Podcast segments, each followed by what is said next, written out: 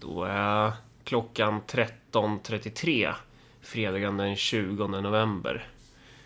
Hej. Hallå! Ja, vad fan håller du på med nu då, förutom att leda folket från storseger till Ja, storseger? det är väl bara det.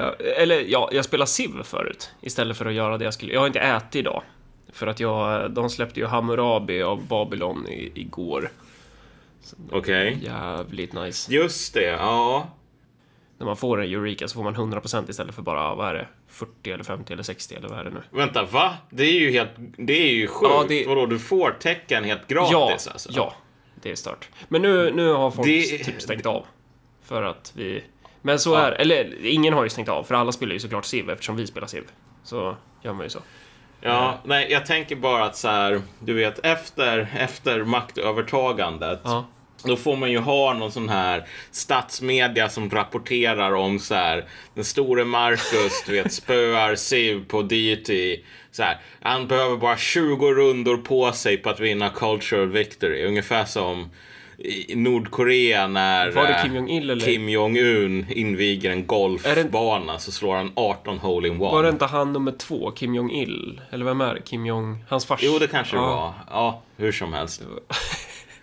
Det är fan bra jobbat. Fast, alltså, fast, fast en av dem var ju mer så här, vad heter, blygsam. Så när han spelade golf, han slog bara 17 hole in one. Uh, och sen liksom en birdie eller vad det nu heter Mm. på den andra. Därför att du vet, till och med den store ledaren Ja. kan göra misstag. Även om det är väldigt små misstag. Eh, apropå misstag, jag... Eh, alltså jag hade ju planerat att eh, sammanställa swishen eh, och läsa upp eh, vad alla har skrivit och sådär. Tanken var ju att jag skulle göra det klockan ett. Och så hade jag schemalagt det. Och sen så eh, satt jag precis skulle göra det och så bara inser jag att fan, klockan är ju ett. Och här sitter jag och ska sammanställa det här och det går ju inte. Klockan är ju fan mitt på dagen, typ. Och jag visste ju om att jag skulle göra det här, men jag kan inte göra det här nu. Så jag var tvungen att avbryta det. Ja, RIP. Alltså, det, det, ett rör gick sönder. Vi var tvungna att um, avbryta Swish-räknandet. Vi kommer att återgå till räknandet någon gång framöver. Ja, obestämd tid. Men alltså, Men, eh, men vi vet resultatet ändå. vi, vi vi vet resultatet. Det är inget att oroa sig för. Det här är det mest säkra Swish-räknandet i USAs historia. Ja. Nu avslöjar jag ämnet lite Ja. grann. Eh, det är ju som så att jag, Ehm. jag satsade ju på pengar på Trump. Ehm, jag la, tror jag, jag vet inte om jag la, totalt la jag bara 2000 i år. Ehm, men jag ska ha de där pengarna.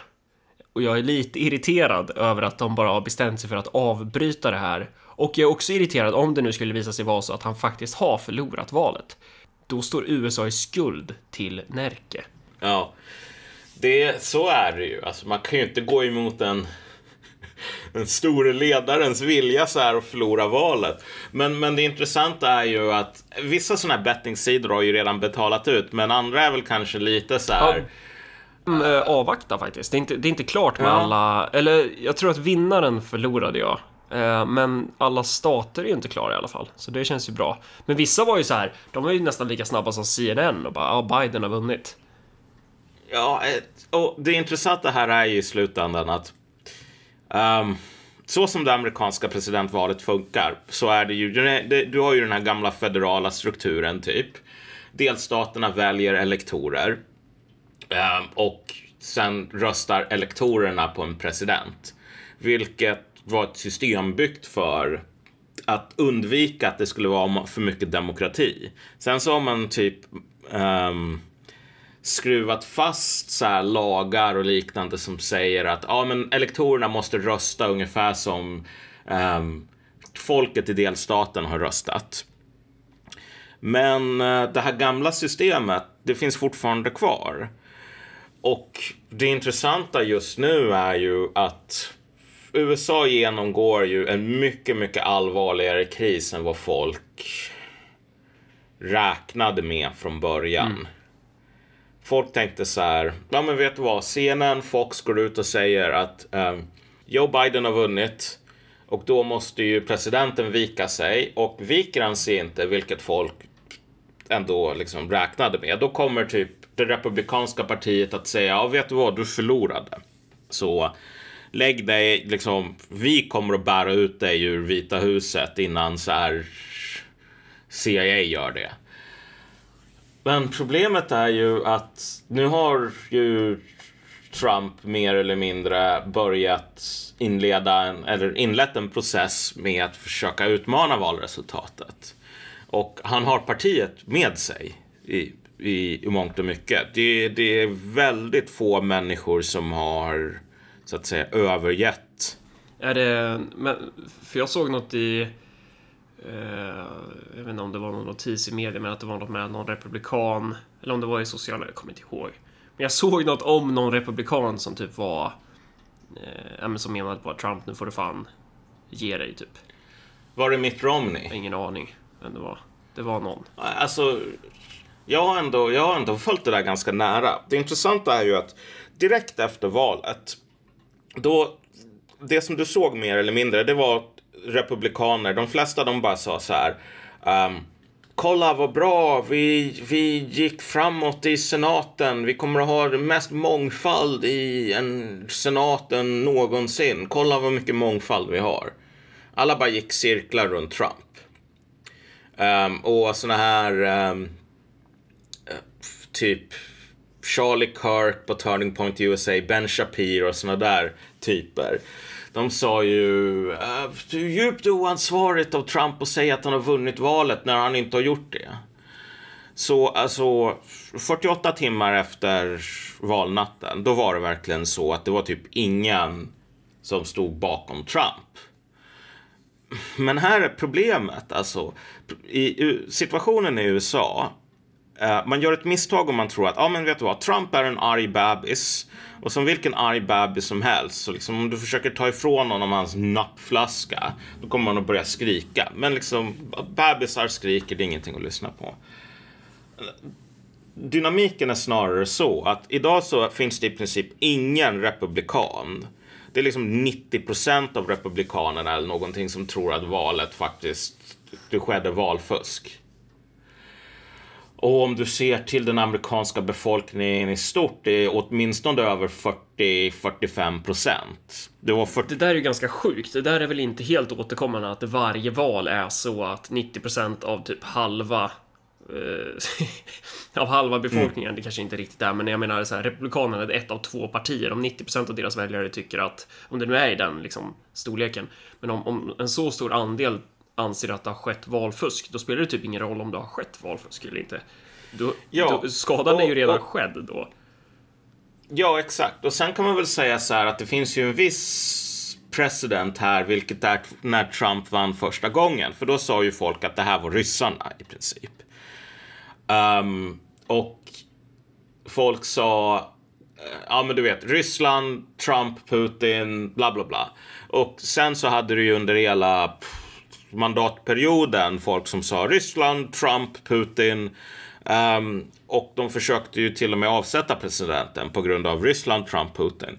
Men det finns faktiskt vissa ganska kritiska, signifikanta skillnader som man måste vara ärlig med här. Um, nu grävde inte jag ner mig i Russiagate jättemycket. Men i alla fall om vi talar om det som skedde med valet så var det så här vad folk sa, det var att det fanns massor med reklam på Facebook som var betald av ryssarna. Mm. Och det måste man nog säga att det fanns reklam på Facebook som var betald av ryssarna så. Men jag menar, Problemet är väl att så här, alla stat, delstater håller på med det. Jag menar, eller alla stater, inte delstater. Du har, hade ju till och med den här grejen i, i DN. Av... Kina va? Ja, precis. Kinesiska regeringen köper någon sån här jättestor reklamspot på typ tredje sidan. I, bara... I Örebro så har ju Saudiarabien och Qatar skolor. Så det är ju... Ja. Jo, alltså så, såna där grejer händer ju lite tipp som happ. Och det är ju jättefint av liberala krafter världen över att hålla på och klaga över auktoritära stater som typ lägger pengar i andra länder. Men jag menar, det är inte som om det Sveriges New York Times, DN, har föregått med gott exempel här. Utan det var väl kineserna betalade tillräckligt mycket. DN behöver pengar. Precis som alla jävla nyhets... Fake news media. Um, så okej, okay. deal with the devil. Men så, så visst, okej, okay, sån reklam har funnits. Och sen så sa ju folk också ett annat argument, vilket är lite mindre trovärdigt kanske. Vilket är att det enda anledningen en galen president som Donald Trump skulle kunna vinna är om typ ryssarna hjälpte honom. För det finns ingen chans att eh, vanliga amerikaner skulle kunna rösta på denna fascistiska bebis. Och det är ju lite av en ett cirkelresonemang. Så här. Hur vet vi att, att Trump vann? Jo, för att ryssarna hjälpte honom. Hur vet vi att ryssarna hjälpte honom? Jo, för att Trump vann. Alltså, det är ju inte riktigt sådana saker som är tvistefrågorna 2020 faktiskt. Utan um, jag läste en sån här guide, handbok typ som amerikanska statsdepartementet hade skrivit om så här, hur kan du upptäcka valfusk i så här bananrepubliker och uh, ryska satellitstater. Och punkt nummer ett var så här, kolla på uh, valdeltagande. Mm. Om valdeltagandet är superhögt av någon anledning, då finns det ju anledning att bara höja på ögonbrynen. Um, och det har definitivt det är inget som tvistar om att valdeltagandet är historiskt högt i USA just nu. Um, på grund av poströstning och det finns massor med problem med poströstning. Det är typ inte tillåtet i Sverige för att det är för öppet för fusk så. Poströstning? Men... Ja, det är, alltså... ju, det är ju definitivt, det är klart det är tillåtet. Eller vadå? Um, med poströstning, när man pratar om poströstning i USA, vet du vad man menar då? Nej det är att du får en sån här, um, vad heter det, röstsedel utskickad till dig. Aha. Hem till dig. Ja. Och så fyller du i den. Okay. Och så skickar du tillbaks den. ja. Det är inte tillåtet i Sverige kan jag ju säga. Nej. Alltså, jag kommer inte ihåg vad rutinerna är för så här om man ska rösta eh, typ utomlands och skicka en sån där valsedel går, via post. Du, det går, men du måste typ ha folk som du går till en ambassad. attesterar. Ja, du, ja. du går till en ambassad tror jag. Uh, men det har ju varit ja. snack om att det där har varit uh, även i Sverige, att det är lite så här weird typ. Men uh, ja, ja, det är ju inte, på, men, det är men, inte på den nivån att man bara sitter och liksom fyller i. Nej, okej. Okay. Mm. Jag menar typ om de flesta människor som röstar i Sverige, du vet. Ja hur, hur, är rutinen? Du vet, du får ett sånt här röstkort. Ja, går till vallokalen. Du får valsedlar. Ja, ta med dig ID-kort. Och så liksom, du får ju inte hålla på och springa runt, utan här har du den här stationen där du plockar upp röstsedlar. Här är den här stationen där du får ditt kuvert och här är den här stationen där du fyller i. Ja. Så lämnar du in Ja, det är den så. formella regeln i alla fall. Sen så är det ju ett jävla ja. kaos på många ställen ändå, men ja. Jo. Men typ i USA, för det första, det finns ingen sån här motsvarighet till Valmyndigheten i USA. Nej. Ja, för att det är staterna då som sköter det själva, eller?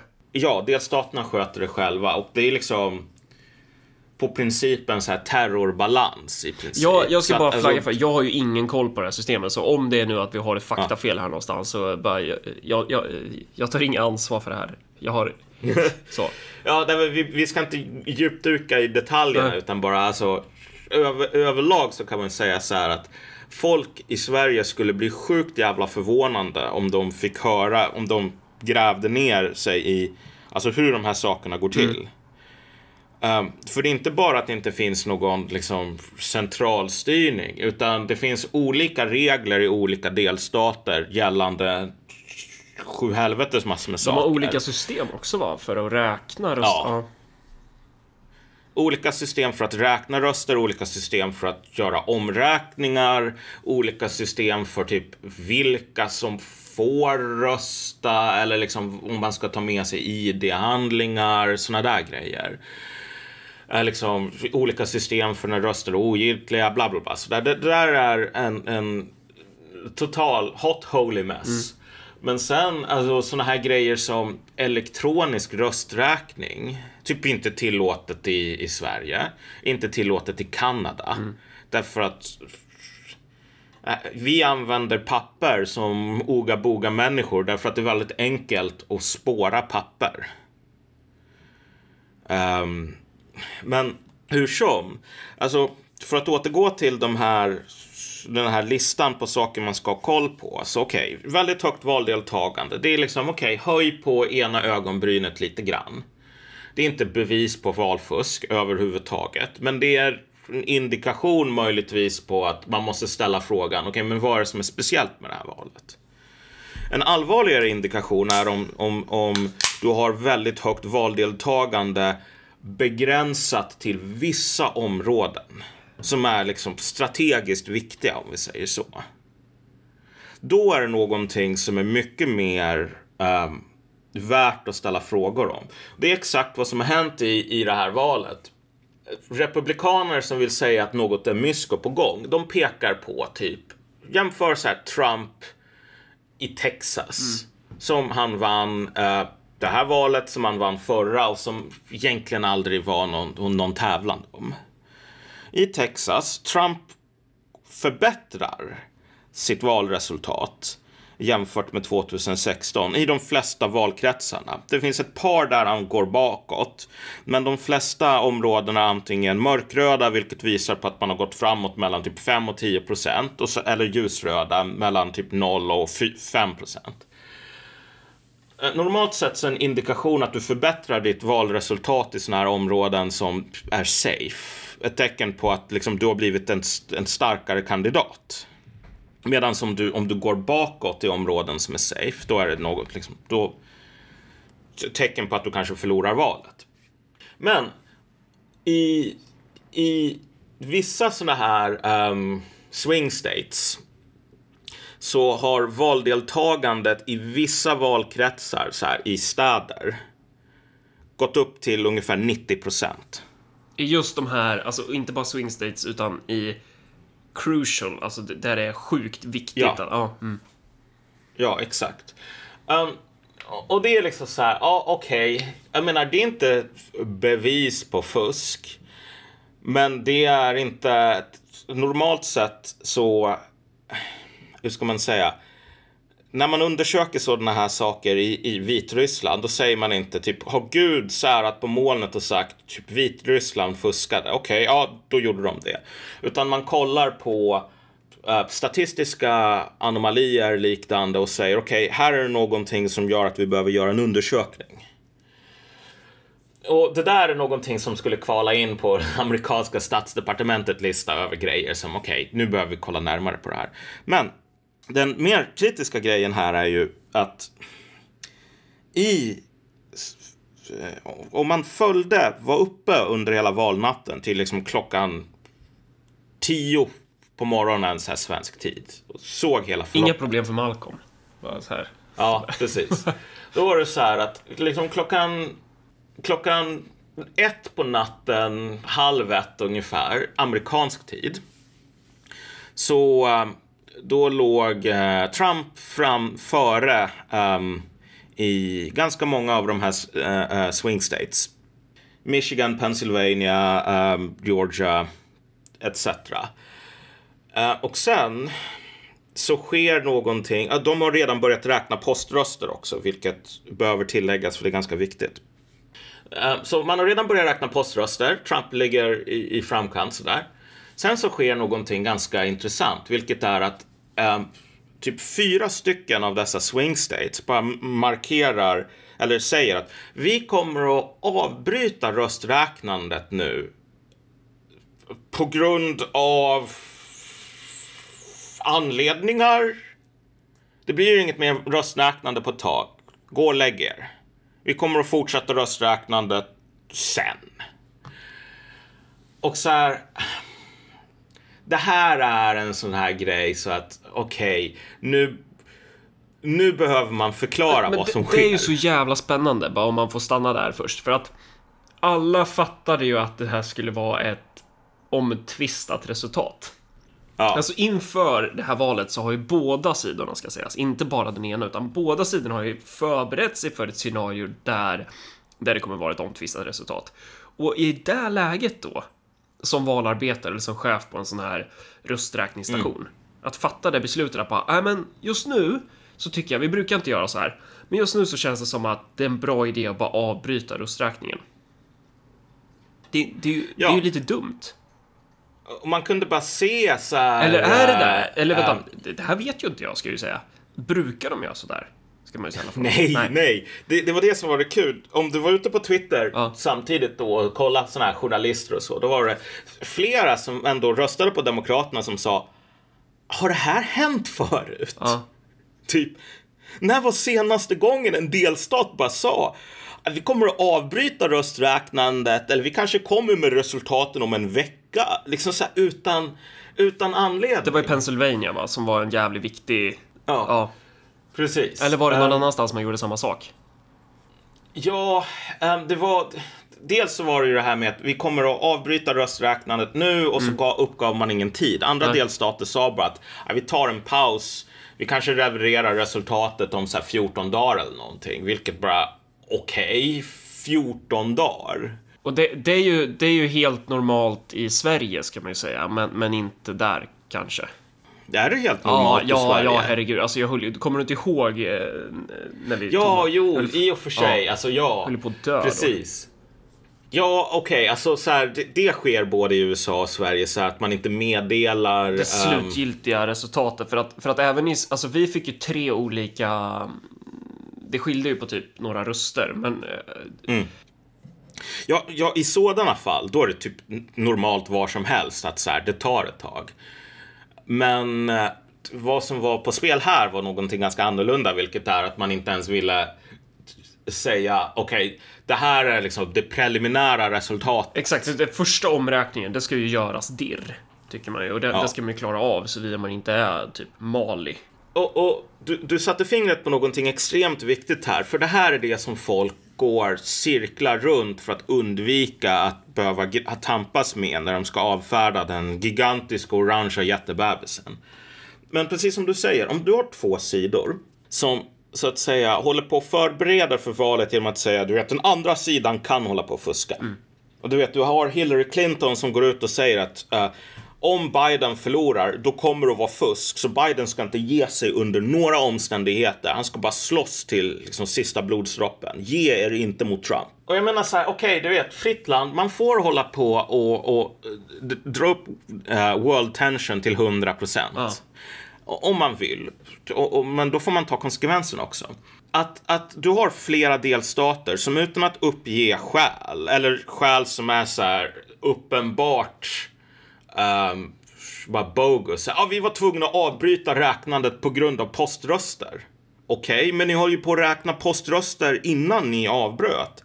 Ni säger så här, vi kommer inte att fortsätta räkna poströster på ett tag. Liksom, och vad är det ni menar egentligen? Är det så att poströsterna liksom eh, droppades från någon sån här flygplan och typ krossade alla rösträknare så ni måste skaffa nya? Så här. Eh, så vad, vad, vad, det, ge en förklaring. Men det var det ingen som gav. Det är i alla fall inte någon fullgod som jag har sett. Nej, okej. Och här är grejen. Du kan inte ha val i omtvistade ehm, situationer på principen Dude, just trust me. Ja. Du kan inte ha det. Det går inte. Nej. Ingen sida accepterar Dude, just trust me i Biden mot Trump. Om, om, om situationen hade varit den, den motsatta, vill säga, det vill säga att Biden leder med ett par procentenheter och sen så slutar rösträknandet och så sen bara oj, typ Trump vann. När folk, eh, och alla så här Trump-anhängare säger Dude, just trust us. Ni förlorade, det finns ingenting mer här att diskutera. Uh, den personen som säger att Demokraterna skulle bara säga, ja vet du vad, Trump, redig prick, han skulle aldrig hitta på några shenanigans. Alltså det, du är inte ärlig, du är inte allvarlig då. Så att alltså den stora utmaningen i ett sånt här omtvistat val är inte undvika fusk nödvändigtvis. Därför att objektivt fusk spelar mycket mindre roll än vad folk tror. Vad som gäller är att undvika um, uppfattningen om Ja, fusk och, och det gör du ju på bästa sätt då. Det är bara att det är transparent och du liksom inte är Hillary Clinton utan du försöker vara lite ödmjuk istället. Eh, Men nu är det ju tvärtom. ja, precis. Och du vet, om, om jag är en domare som dömer i något fall, du vet det här så här, giftutsläppet i Vättern, det var ju inget problem alls där företaget, de, de har inte gjort något fel alls släppa, ni klagar på lite så här nickel-kadmium, det har ingen dött av. Och så får jag så här 100 miljoner av det här företaget. Det här är inte typ citat objektiva bevis, slut citat, för fusk. Alltså du behöver ju mer eller mindre vara omnipotent, Gud själv, för att kunna veta med 100% säkerhet att jag dömde på det här sättet just på grund av att jag fick de här 100 miljonerna. Vanliga människor kan inte göra det avgörandet så här att jag vet 100% säkert att du inte skulle ha dömt på det här sättet om du inte fick 100 miljoner. Därför att det är kontrafaktiskt. Men det är inte den standarden man använder. Utan den standarden man använder är så här, för det första är det sannolikt, bortom rimlig tvivel. Och sen utöver det så använder man en ytterligare standard i jävsmål, vilket är ser det ut som? Om en rimlig person kollar på, du får 100 miljoner av det här företaget, du dömer på det sättet och kan misstänka att du är jävig, då är du jävig huruvida det faktiskt var på grund av de här hundra miljonerna. Det är inte mellan dig och rättssystemet, det är mellan dig och Gud eller din katolska präst när du biktar dig.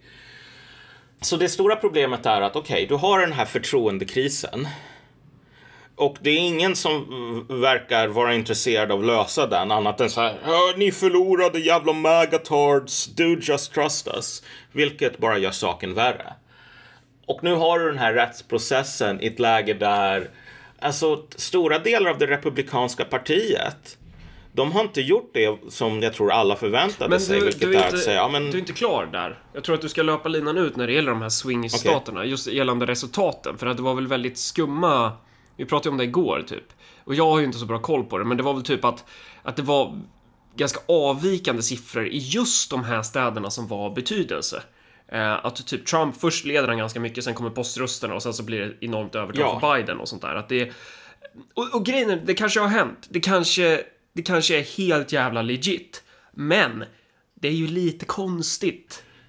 Ja, eh, den, den, stora grejen här, den absolut största saken som man ska höja på ögonbrynen åt, det är ju den här berättelsen om um, du vet, Demokraterna kommer att vinna stort på poströster. Och det, det, det fanns det fanns riktigt goda anledningar att säga så därför att det skedde opinionsundersökningar innan där man frågade folk så här, kommer du att rösta på post via kommer du att rösta i person? Republikaner sa överväldigande att de kommer att rösta i eh, person, Republi eh, demokrater sa överväldigande att de kommer att rösta på post.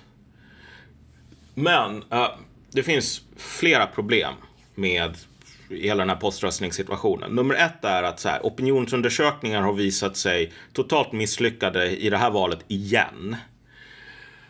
Uh, nummer två, när folk faktiskt börjar liksom rösta och när vi räknar rösterna, då får vi en mycket klarare bild på typ mönster. Vi går ifrån folk säger vad de tänker göra och då kan vi se vad folk har gjort. Vilket ändrar situationen. Så att när det gäller så här poströstning så, finns, så visar det sig om man kollar på New York Times typ egen valdata att det här övertaget som folk trodde skulle komma, det kom. Men uh, i en, en, en sån här svingstat som Florida där du liksom får resultat typ 49 procent eh, demokrater, 50 procent uh, um, republikaner. Verkligen en av de tätaste racen i USA. 49-51. Ja, ja, precis. 49-51.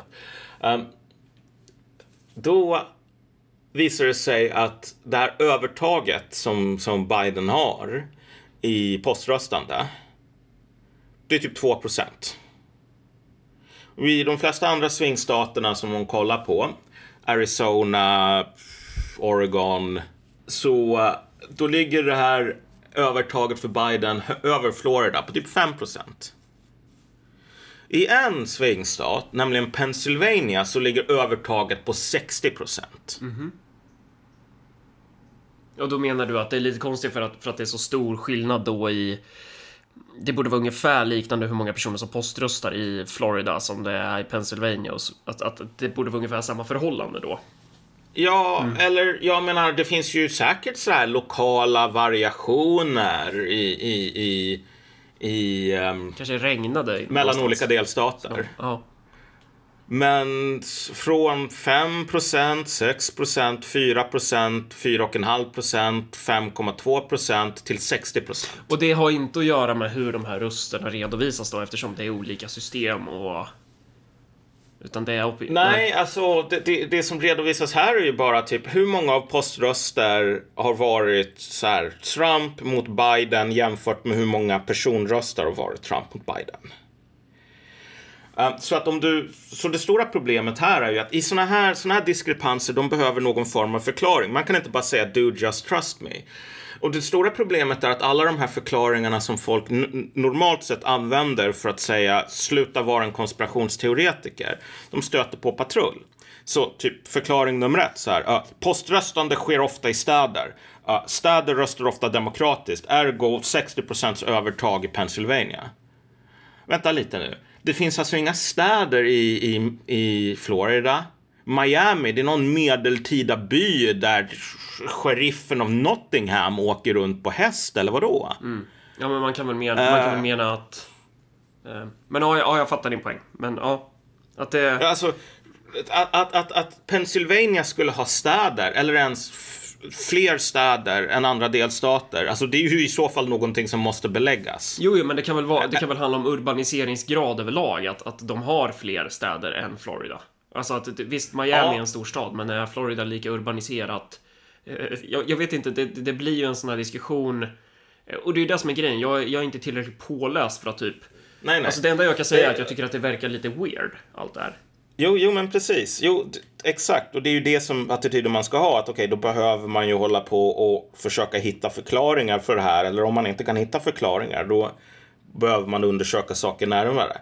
Men en förklaring som republikaner gärna skulle vilja lägga fram, det är så här. Uh, poströstning är notoriskt liksom, utsatt för ballot dumping eller ballot stuffing. Så att du bara skriver in, bara dumpar in massor med poströster åt din kandidat. Och speciellt när du inte har några bra system för verifikation, ingen så här ID-kontroll eller liknande. Då är det jävligt svårt att skilja de, de riktiga rösterna från de som är ehm, eh, friserade. Eh, och något sådant skulle ju faktiskt kunna förklara den här väldigt stora diskrepansen. Det vill säga typ i de flesta andra delstater så skedde det inte så här massiv ballot stuffing, men i den här delstaten så skedde det. Den förklaringen täcker exakt liksom den här diskrepansen. Uh, sen behöver det inte betyda att den är sann. Men om vi säger så här att okej, okay, men Pennsylvania är mer urbaniserat. Det kan säkert stämma, det är inte omöjligt. Det kan till och med var åt andra hållet. Att liksom vissa av de här andra delstaterna är mer urbaniserade än Pennsylvania.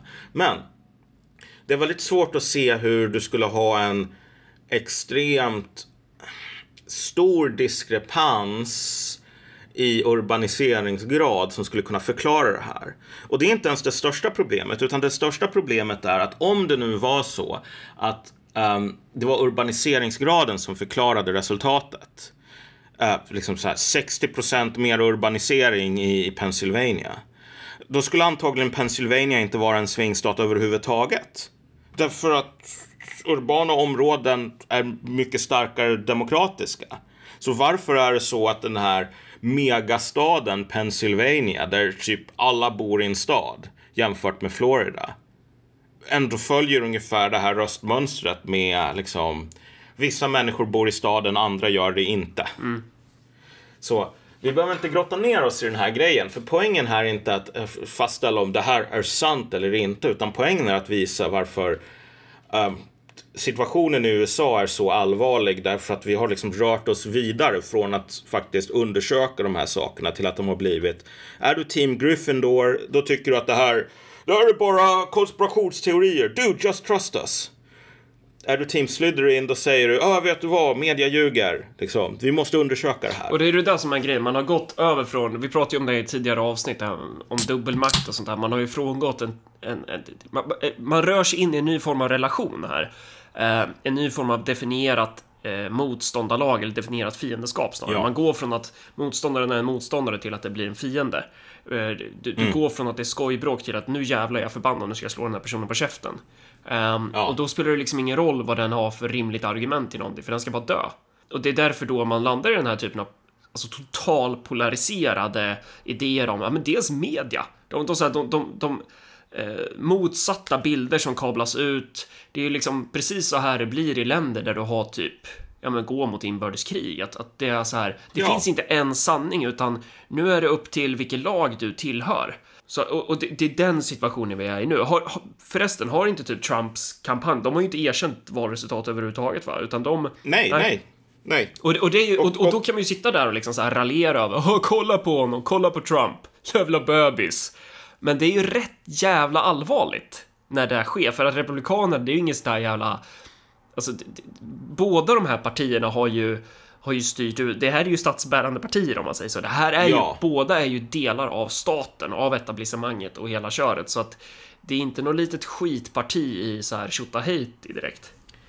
Nej, och det, det sjuka här är ju att alltså, grejen är att om du lyssnar på den, den liberala sidan, den demokratiska sidan, den goda sidan. Det här påminner mig om typ USA och NATO under Krimkrisen. Är, du vet så här. Vad heter han nu? Lukasjenko är väl snubben som förlorar valet.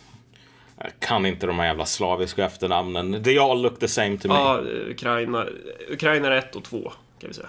Ja, precis. Ja, du vet, Rysslands gubbe förlorar valet. Och sen så börjar folk bara snacka om att nej, vet du vad, kanske är det dags för Ukraina att gå med i NATO ändå. Kanske är det dags att omförhandla det här att ryssarna får ha någon stor så här, flottbas vid Svarta havet. Varför behöver de en Svarta havet-flotta för? Så här. Det är 2020, det kommer aldrig bli, eller 2017 eller vad fan det nu var. Det kommer aldrig bli krig igen. Ni behöver ingen flottbas. Och sen så säger ryssarna att det här tycker vi verkligen inte om. Vi blir jättearga. Ni sa ju att Ukraina aldrig skulle gå med i NATO. Och så bara, äh, vadå? Vad ska ni göra? Ska ni annektera Krimhalvön eller? Hö, hö, hö. Och så liksom är det så här, ja vet du vad, ryssarna de är kax, de är svaga. Ryssland, det är bara en, en, en glorifierad bensinmack med en nationsflagga, alltså liksom som för att låna från John McCain. Och ingen tar liksom på allvar att ryssarna, de ser sig inte bara som en glorifierad bensinmack, utan som så här, du vet, en, en, en, en Nation. Vad heter det? En, en supermakt. Ja. Eller i alla fall en supermakt på dekis. Eller liksom någon revanschistisk så här, halvsupermakt. Så här. De, de har sina intressen, de har sin bakgård. Och så går de tillbaks till Kremlin och så håller de möten över hela natten. Och sen till slut så fattar de beslutet att ja, vi ska nog in äh, annektera Krimhalvön ändå. Och sen när de börjar annektera Krimhalvön, då börjar alla bara ropa Men vad fan gör ni? Så här får ni inte göra. Och liksom bara, vet du vad? Eh, Putin, han är ond, han är dum. Mm. Han gör en grej som typ det är dåligt att göra. Och liksom, det här är inte ett seriöst sätt att föra politik på, sorry. Mm när du väl börjar förlora, när du säger vadå, vad ska du göra? Ska du utmana valresultatet eller? Ska du övertyga så här hälften av USAs befolkning att det var fusk? Och, och personen på andra änden säger ja, det ska jag och jag kommer att lyckas. Då kan du inte börja gråta över hur elakt det här är. Därför att politik handlar inte om eh, elakhet versus snällhet. Och det är ingen i Republikanerna som upplever att Demokraterna är överdrivet snälla. Um, meningarna om vem som är snäll och vem som inte är det, de går isär. Men, men så här, du måste hantera de här problemen på sina egna premisser snarare än att försöka moraliskt hålla på och säga ja men på ett moraliskt plan då har du fel. Och det är det som är det stora varningstecknet, att det är det enda som folk ägnar sig åt. Ja, och det där är också intressant, för det som har slagit mig, det är ju det här med, alltså vad vet svenskar om Trump? vad vet vi tillsammans i det här landet? Och jag säger inte att jag är så jävla mycket bättre än andra här, utan jag har ju fått exakt samma internaliserade uppfattning om honom. Eh, och det kanske också av, av den anledningen som jag inte kan låta bli att bli helt jävla överlycklig när han bara är ett stort fuck you till hela det liksom, etablerade etablissemanget, fast han ju de facto också är elit på många sätt. Mm. Eh, men att vi har ju fått itutas i oss det här narrativet om att han är en fascistisk jättebebis. Alltså jag lyssnade på den här podden Diktatorer på Spotify. Mm. Och hon som håller i den där podden, hon så här helt ogenerat bara så här jämför typ 30-talets Tyskland med, ja, ah, det är precis som det, det, som händer idag. Vi kan ju se liknelser till Trump.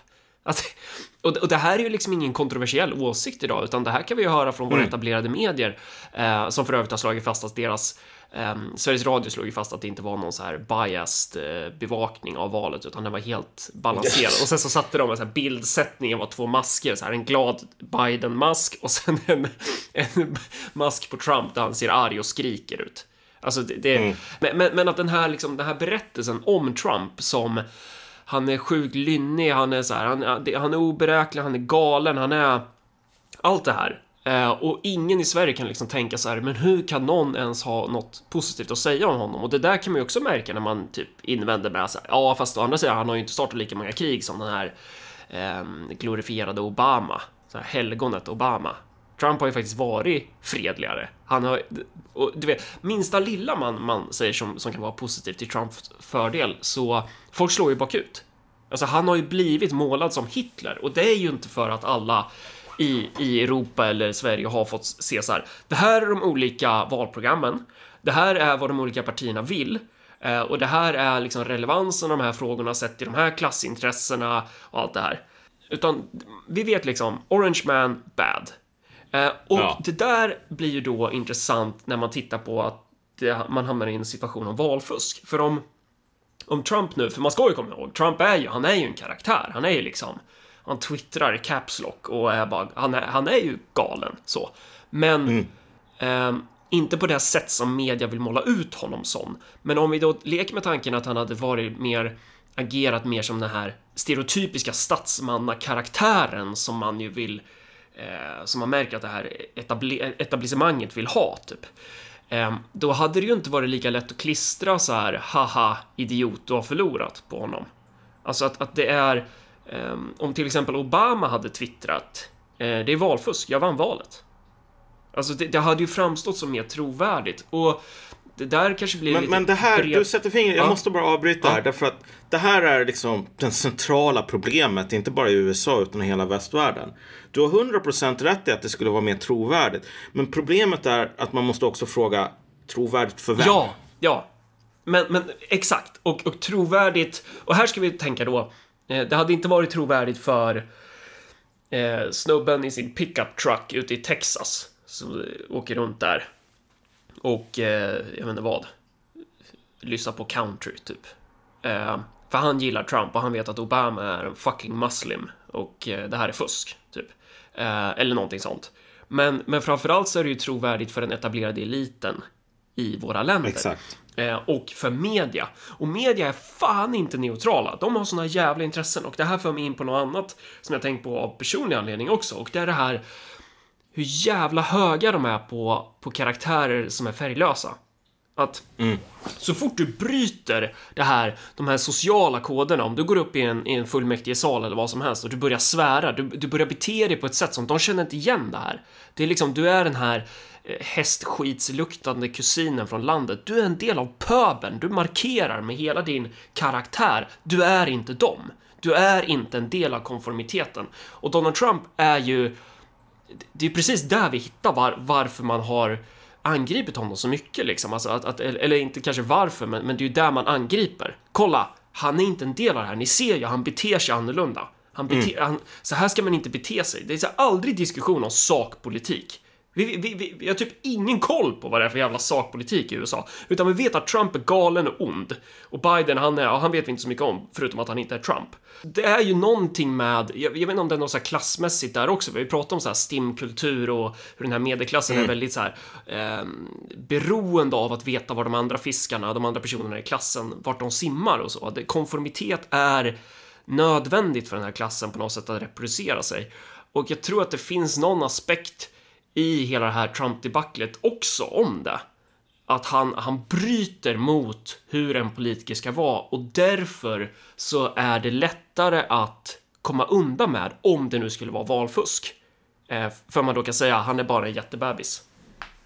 Ja, men, men den stora grejen här är att alltså det här är liksom den viktigaste poängen, eller en av de viktigaste som man liksom, vi kan diskutera på den här podcasten egentligen. Därför att precis som du säger, det är trovärdigt för vissa men inte trovärdigt för andra.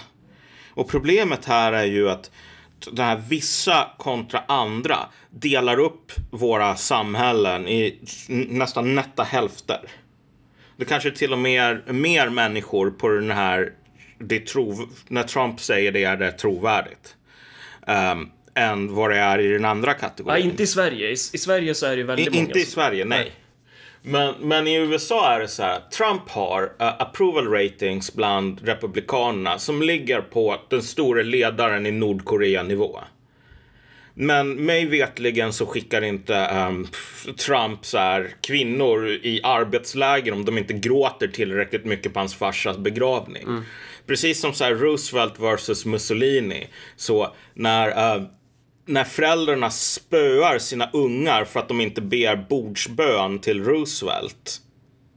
Då är det, det är liksom legit. Det, det, Roosevelt ber inte ens om den personkulten. Han får den frivilligt. Det är på den nivån Trump är. Och det här har liberaler löst. Det faktumet att i ett land som polariseras med hälften eh, eh, så tycker den ena hälften som de inte har någon kontakt med och som tillhör helt andra socioekonomiska grupper än de själva. De här människorna är hjärntvättade. Det är förklaringen. Hjärntvättade, alternativt, oh, de, det är så synd om dem, de är så missförstådda. Vi behöver ge dem mer socialbidrag. Och, och jag menar, okej, okay, fine, man kan hålla på sådär. Men det, det, det, löser inte problemet. Det här är fortfarande moralism, det är fortfarande slavmoral, det är inte, det är inte politik. Det är inte att tala med maktens språk. Talar man med maktens språk, då måste man inse att det spelar egentligen ingen roll om det är aliens eller rymdödlor eller judar eller någonting i vattnet eller att folk är inavlade som gör att folk respekterar Donald Trump. Mm du har fått den här enorma um, polariseringen i, i, i, USA och i västvärlden så är polariseringen Okej, okay, den är inte kring Trump, men jag menar det finns ju en liknande dynamik gällande Sverigedemokraterna. Ja, men precis. Vi har, alla våra länder har egna Trumps. Eh, att, ja. Eller, alla våra länder har egna, jag vet inte om man ska säga Anubis-masker, eller liksom partier, ja. aktörer som, som spelar den rollen. Uh... Ja, alltså egna uh, partier eller politiker som är Nixon i det här berömda uttalet. Jag, jag, har ingen aning hur Nixon kunde vinna. Ingen jag känner röstade på honom. Mm. Uh, och här är problemet med, med den här situationen och varför den situationen är ett sånt perfekt tecken på varför USA och västvärlden överlag befinner sig i en förrevolutionär situation om man vill gå tillbaka och lyssna på det avsnittet. Jag har sett ganska många människor nu, för det är en annan aspekt hos det här valet. Den här liksom totala mobiliseringen av civilsamhället, av sociala medieinfrastruktur för att lägga tummen på vågskålen på ena sidan. Du vet att när, när det var så här, ah, jag, jag läste på Snopes.com att så här, Putin kontrollerar eh, Trump genom att han har videokassetter på typ där Trump kissar i sängen på Hotel Grand i Moskva. För att han är en jättebebis som tänder på att kissa på sängen. Så, du, jag läste det här faktiskt på nätet. Uh, det var ingen som sa uh, det här är inte verifierat. Typ, våra faktakollare har inte hittat bevis på det här. Och det var liksom inte så att de, de kodade om Twitter för att det skulle vara automatiska algoritmer som flaggade så här, kritik av Trump via Russiagate som, som inte var faktakollat. Utan det här sker bara i vissa fall. Ja, och det här med Hunter, Hunter Biden och hela den där grejen också. Det var väl inte... Det... Nej, nej, nej. Hunter Biden är superintressant också. Därför att under en kort tid så var ju USAs, jag tror det är tredje största tidningen, New York Post. Um, som fick sina sociala mediekonton nedstängda. Mm. På grund av att de hade alltså publicerat en historia om just Hunter Biden och är kopplingar till Ukraina och så vidare.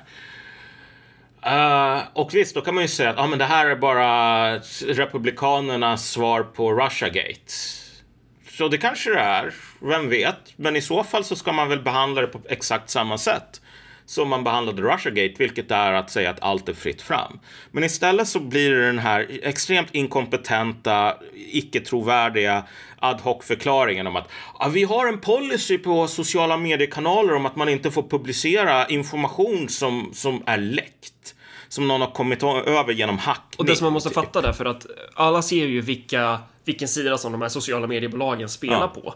Eh, och det, de är ju lika neutrala som fackförbunden är neutrala. Fackförbunden har varit historiskt socialdemokratiska i Sverige. I andra länder har de varit typ kommunistiska eller sådär. Att, att ja. det är liksom... Eh, de är ju med i den här klassalliansen. Det är ju, det är ett, det är ett team, ett klassteam så. Och Big Tech är ju med, i alla fall de här delarna av Big Tech, är ju i det här fallet solklart på Bidens sida.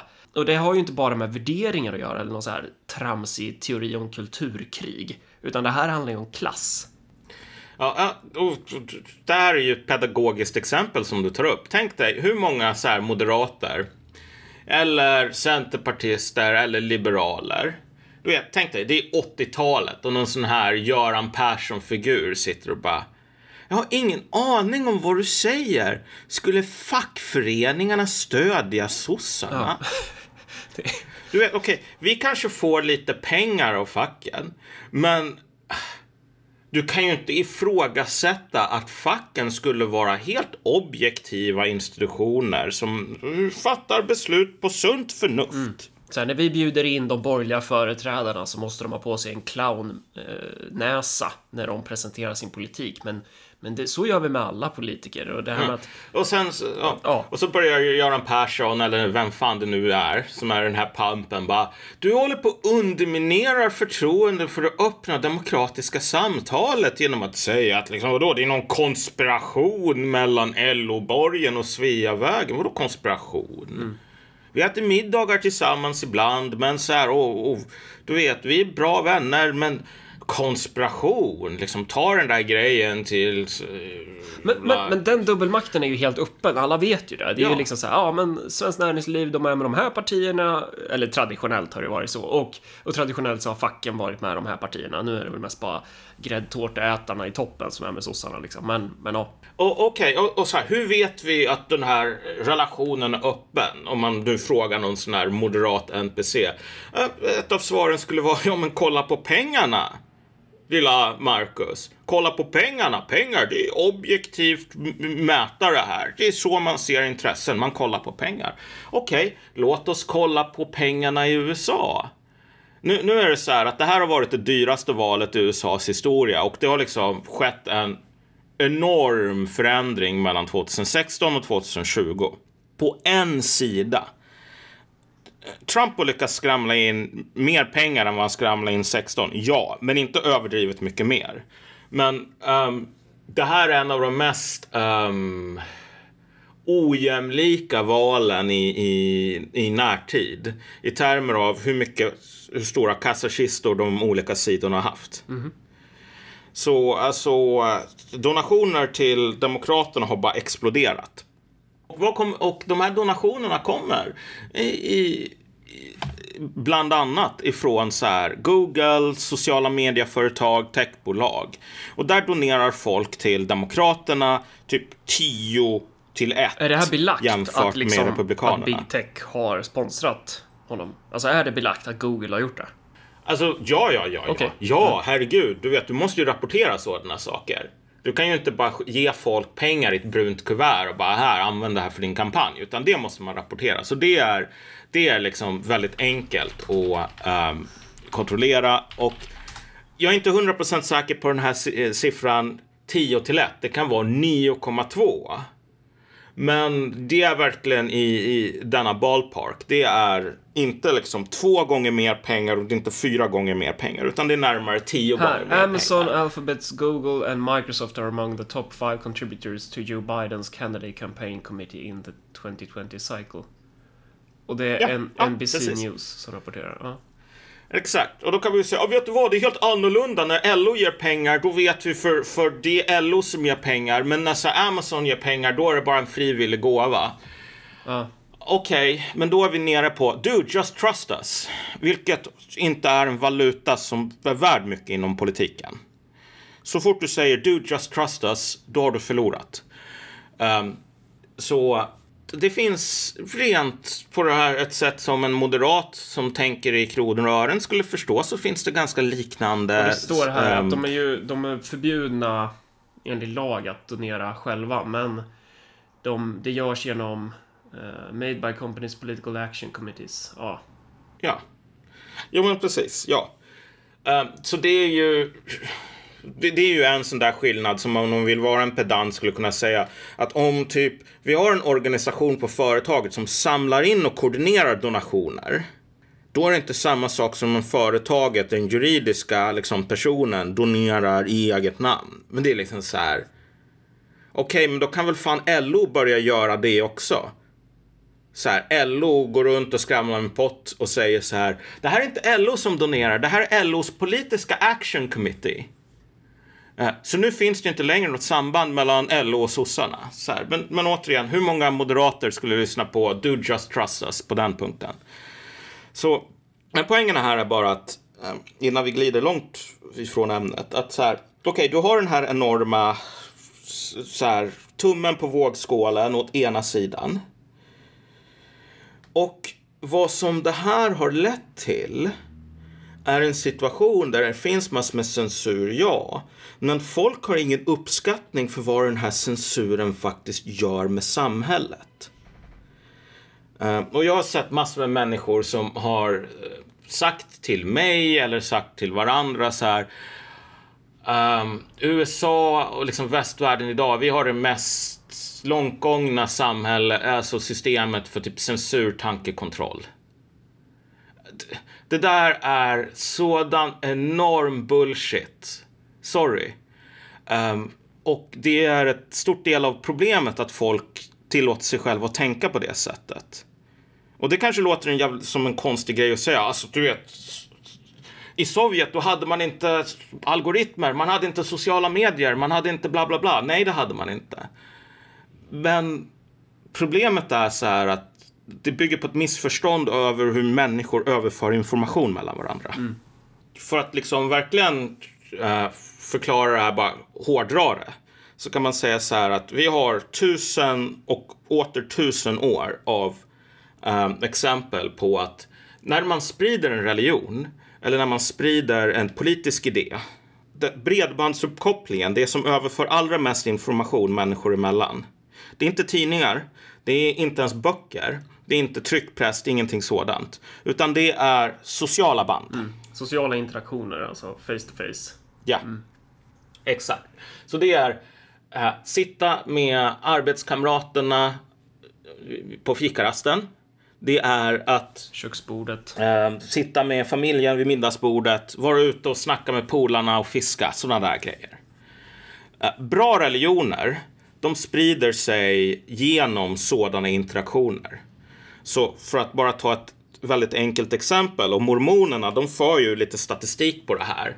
De har ju, eh, liksom när du är typ 16-17 år, då, då förväntas du missionera under en period för att vara en riktig mormon.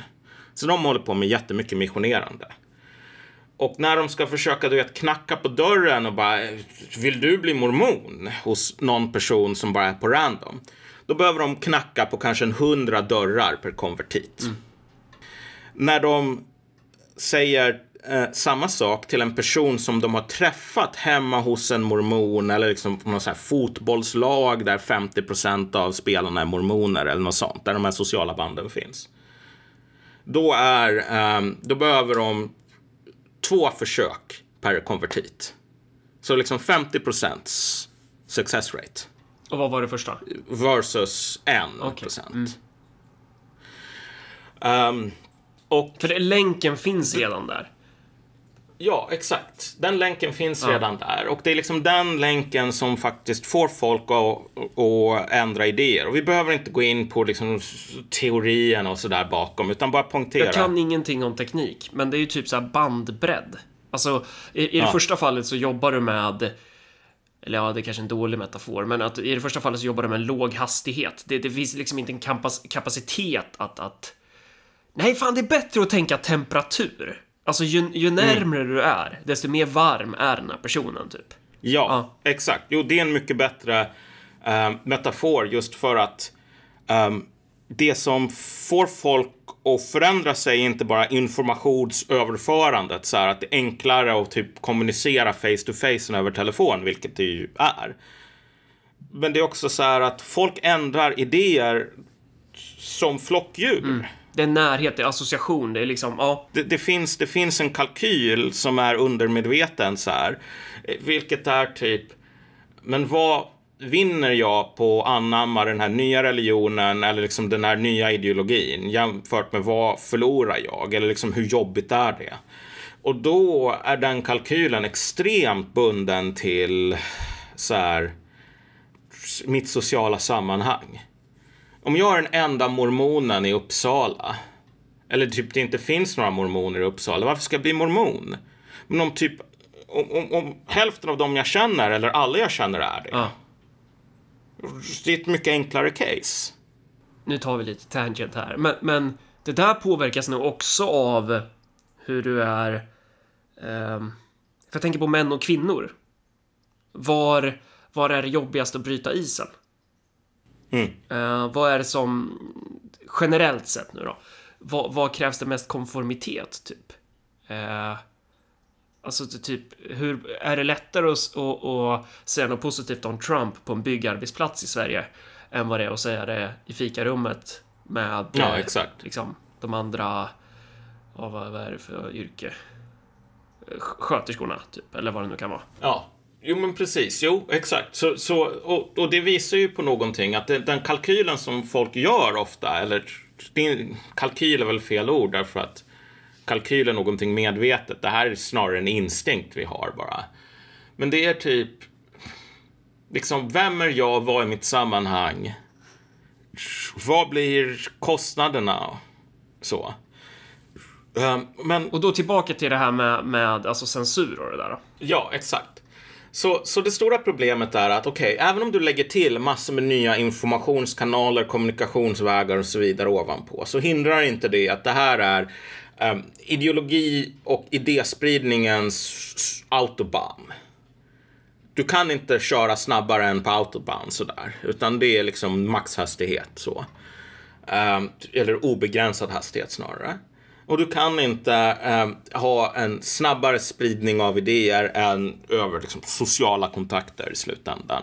Alltså sådana här eh, tryckpressar och liknande, det är typ superanvändbart för att skynda på den här processen. Men tryckpressar som sprider, jag vet inte vad, liksom Martin Luthers ord gör väldigt lite om det inte finns förutsättningar att sen färdas över den här autobahnen om vi säger så. Men det där är också en till grej i det där och det är också så här, vad är det som färdas? För att i den sociala interaktionen så är det, det är rörligt, det är rörlig materia som färdas. I, i, i, I den här envägskommunikationen från media ut, direkt ut på de här kanalerna. Det är en fast kommunikation. Det är ett bestämt budskap, det är stängt. Uh, Och, och, för om man tittar på typ hur kristendomen spreds, alltså det, det var väl en uppsjö av innehåll i vad är kristendomen? Alltså det var typ, kristendomen är ju nästan sekundär. Jesus är typ sekund, sekundär, den är anpassningsbar för vad som är relevant där och då i det sociala sammanhanget, i den liksom, det klustret av människor. Ja. Och, och det är väl det som då man borde dra lärdom av rent politiskt också, att så här, eh, ja men jag är kristen, men skulle jättemånga människor kunna säga för massa tusen år sedan. Eh, men de lägger jävligt annorlunda innebörd i det. Det är lite som så här, ja, men jag är kommunist. Alltså, Ja. alltså det, det är ganska mycket olika svar du får från kommunister runt om i världen. För det är en... ehm, Ja, nej, nej. Ja, nej, men exakt. Um, då, du måste fan fortfarande läsa den här boken Ja, om, jag om så här, Jag hur, hur kristendomen spred sig i den antika världen och liksom klassbakgrunden hos konvertiter. För det här är, wow, det är liksom riktig marxismens järnhårda vetenskap. Och den är som bäst när det inte är marxister som håller på och skriver. Ja. Hur som. Så, så poängen, så, så vi har kommit så långt så att vi har konstaterat att sättet som folk Men du, sprider förlåt, idéer sinsemellan har inte förändrats. Vad heter boken? Så slipper vi få en massa frågor om det. Uh, Det vet du inte. Nej. Ja, gud, jag kommer fan inte ihåg. Uh, Ja, skitsamma. jag, jag, jag kan, jag kan kolla upp det sen när vi har spelat färdigt så kan jag bara, kan du lägga upp länken sen Ja, men på det, avsnittet. ja, för den eller så gör du det. Du är också admin. Ja. Det kommer Exakt. aldrig hända. Ja. Men, eh, ja, okej. Vad, vad var det? Du skulle säga något? Ja, men okej, så vi har kommit så långt. Och anledningen till att vi är inne på detta argument kommer att uppenbara sig ganska snart. Men vi har kommit så långt så att vi har etablerat att sättet som folk sprider idéer, religioner, politiska liksom eh, kampanjer, slagord, whatever.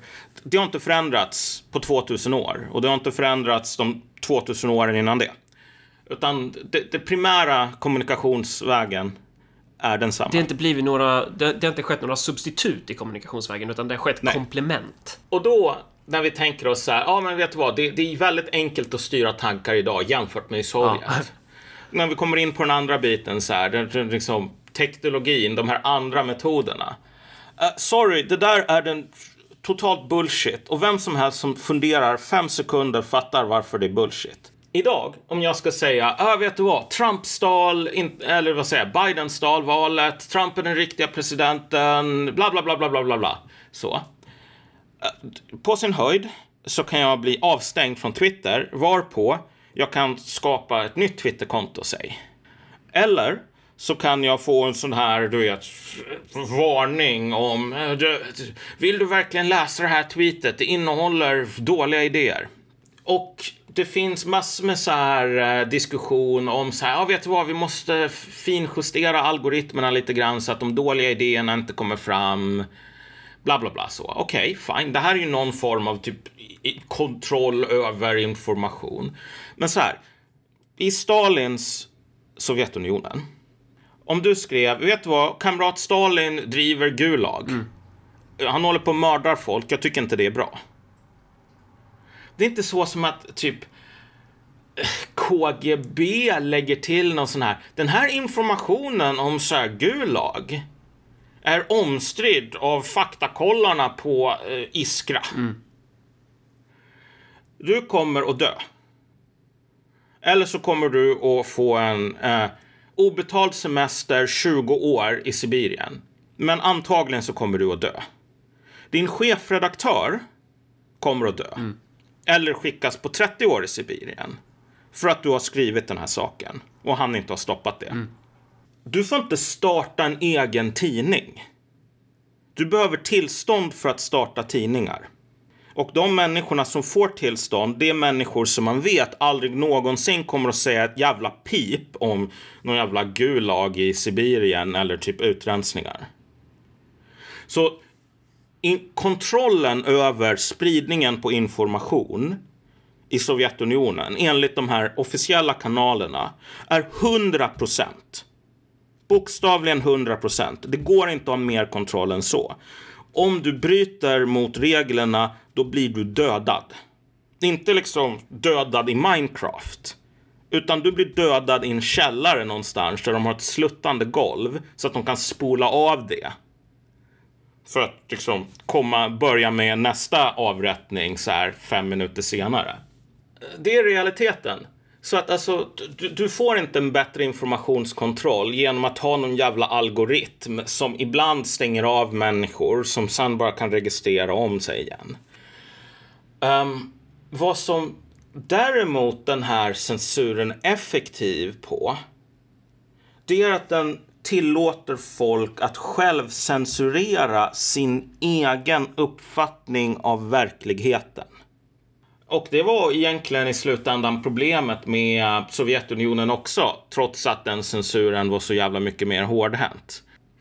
Med den här informationsautobahnen så vad som händer i Sovjetunionen det är att typ Iskra eller Pravda producerar någon sån här artikel om att vi har gjort en eh,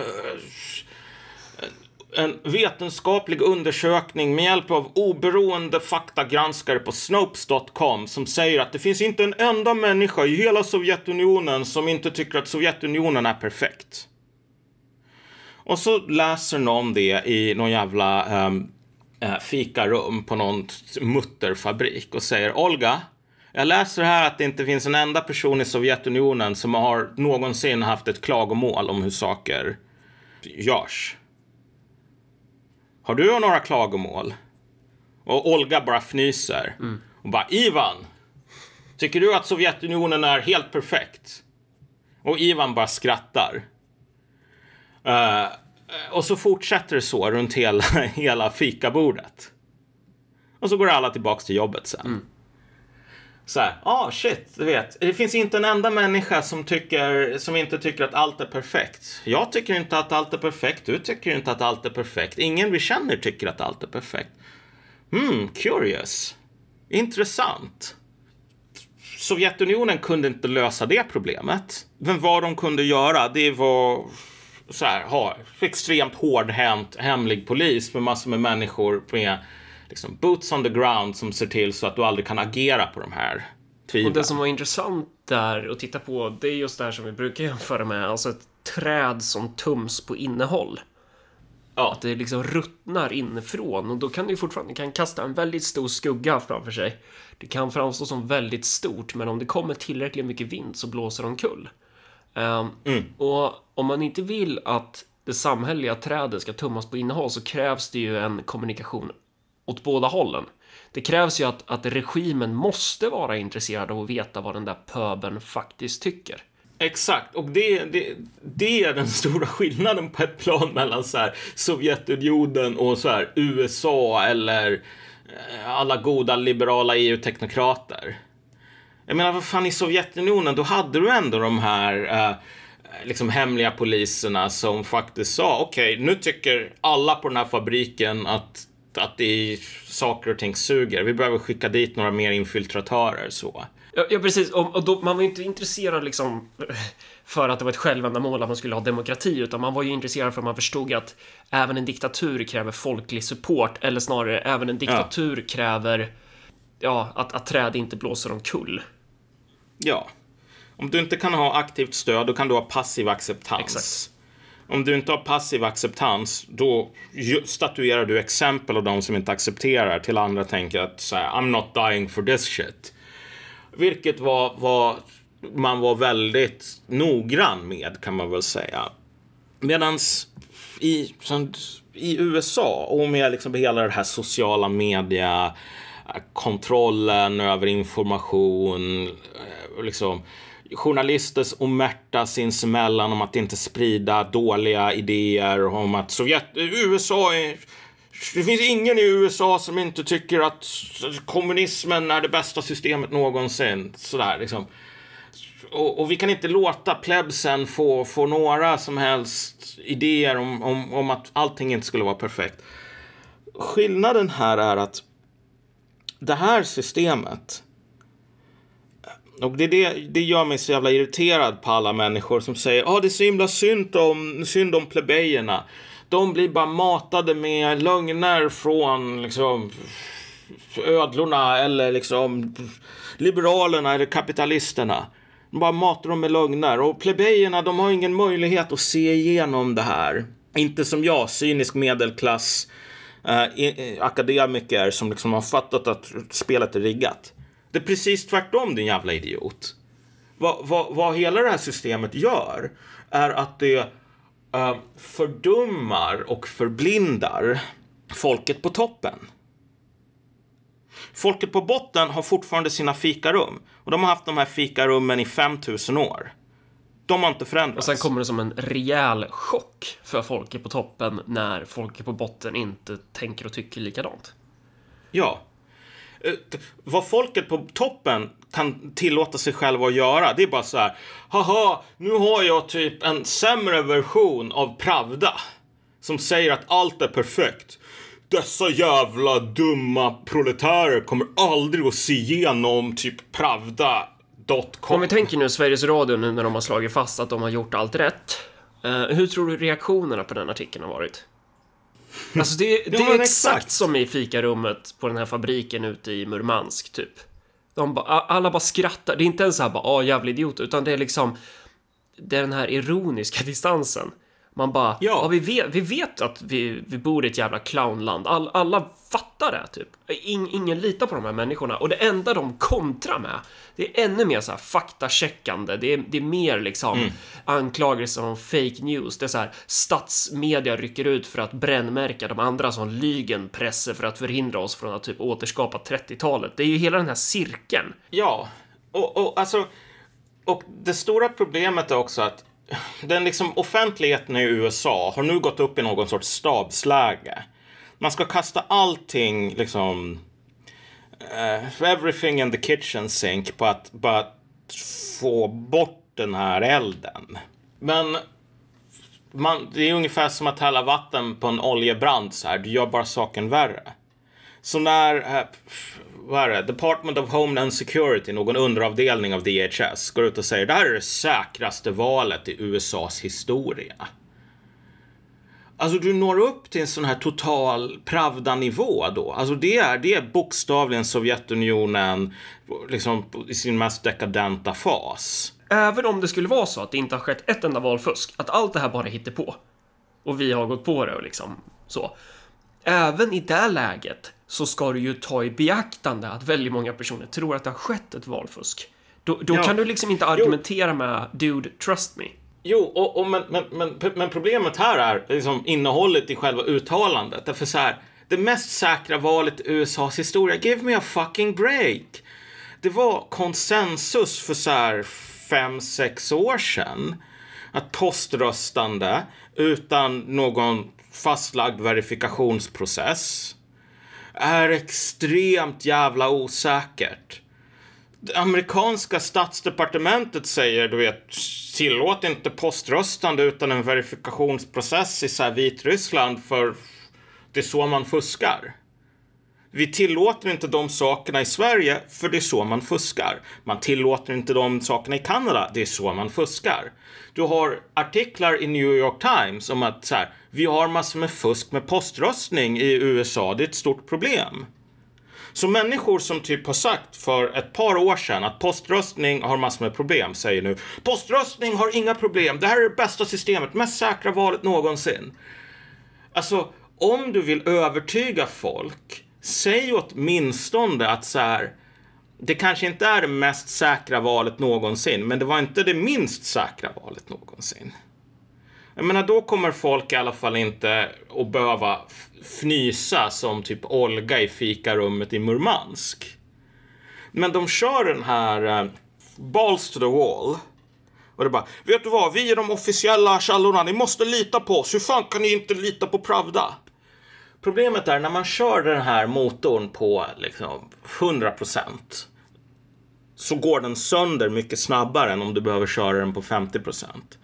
Och när du ska liksom kabla ut, använda denna unikt kompetenta eh, mackapär för att styra folks tankar, vilket vi tydligen har i västvärlden, på att säga typ 24 timmar innan så här. Ingen i USA tror att Trump vann valet. Inga, inte ens republikaner. För att så här 24 timmar efter det säga det är ett jättestort problem att hälften av USA tror att Trump vann valet. Det är en demokratikris. Så här, alltså folk ser mannen bakom gardinen här. Mm. Men, men i, till det här också... Om vi återgår till det här, vem är det som tror på vad? För att om jag tänker på vissa i Sverige till exempel tror ju blint på Sveriges Radio och SVT. Ehm, att man tänker att Nej, men allt som de säger är ju faktiskt, alltså Sverige är ju världens bästa land och alla andra människor är primitiva oga länder. Eh, mm. Och våra institutioner kan absolut inte ha egen agenda. De här journalisterna är definitivt neutrala. De kan inte ha egna klassintressen och, och agens överhuvudtaget. De är bara NPC. Um, ehm, så det finns ju segment av befolkningen som är troende på statsmedia mm. och sådär. Eller, eller mainstream media överlag. Och, och det farliga är ju att det här går ju åt alla håll. Alltså, jag kommer ihåg när jag skrev på nyheter idag. Man fick nästan känslan ibland att det spelar ingen roll vad jag skriver. De kan, de kan mm. tro på mig ändå. Och det där är ju det som är jävligt viktigt att komma ihåg då att att man inte gör så då. Att, att det liksom, men att den, den mekanismen finns ju. Um, att, ja. att man håller på sitt lag. Ja, alltså på ett plan är båda sidorna lika goda eller dåliga kålsupare här. Eh, I, I den bemärkelsen. Och det är ju också en sån här insikt som man måste ha om människor. Att liksom allt det här du vet, I fucking love science, fakta och logik. Liksom, fuck off. Människor fattar beslut. Eh, av, eller liksom väljer sida och väljer åsikter. Som, som ett resultat av en extremt komplicerad så här social, intellektuell kalkyl. En av de tyngsta vägande grejerna är så här, vad kommer den sociala kostnaden vara för mig? Vilket är varför du får situationer där helt plötsligt så kommer typ hälften av USAs läkare överens om att så här, coronavirus inte kan smitta folk om de går på BLM-protester, men det kan definitivt smitta på ett jävla Trump-rally. Uh, för att spelar empirin sitter i baksätet här. Det finns andra avväganden som den här övre medelklasspersonen behöver göra, vilket är vad tycker alla andra gör den övre medelklassen som inte är läkare. Men det finns en aspekt här där det inte finns möjlighet att säga att båda sidorna är lika goda kålsupare. Mm. Det är inte så att folk som läser Breitbart eller nyheter idag tror att de tillhör en grupp som har makten att influera tankarna mm. hos resten av befolkningen. Vem fan har någonsin öppnat nyheter idag och bara Ah, Chang Frick, du vet, det är tur att jag har honom på min sida så att han kan liksom genom sina, eh, du vet, smarta knep styra vad folk tror på Östermalm. Så att de inte börjar tro på dåliga saker tanken är absurd. Det är ju självklart att alla fattar att nej, det, det, finns inte någon sån möjlighet att påverka. De här människorna på Östermalm, de fattar sina egna, kommer fram till sina egna konstiga idéer baserat på saker som inte vi har någonting med att göra. Men den insikten finns inte på andra sidan. Och en till grej som jag funderar på, varför eh, för även när du bara lite försiktigt påpekar, ja men det är ju och då skulle många invända, vadå försiktigt? Det är bara att överhuvudtaget insinuera att det har skett oegentligheter i det här valet är att vara fascist, typ. Men, men bara när du så här närmar dig det, att prata om, men har allt väl, verkligen gått rätt till? Alltså, den totala eh, vansinnet som släpps lös hos vissa människor då. Och då, då kommer det här, men vadå, Trump är typ våldtäktsman och han äter barn. Eh, och då skulle vissa invända, ja men Biden är också det. Så jag bara, okej. Okay. Eh, men, men att eh, det, det, är återigen den här karaktären.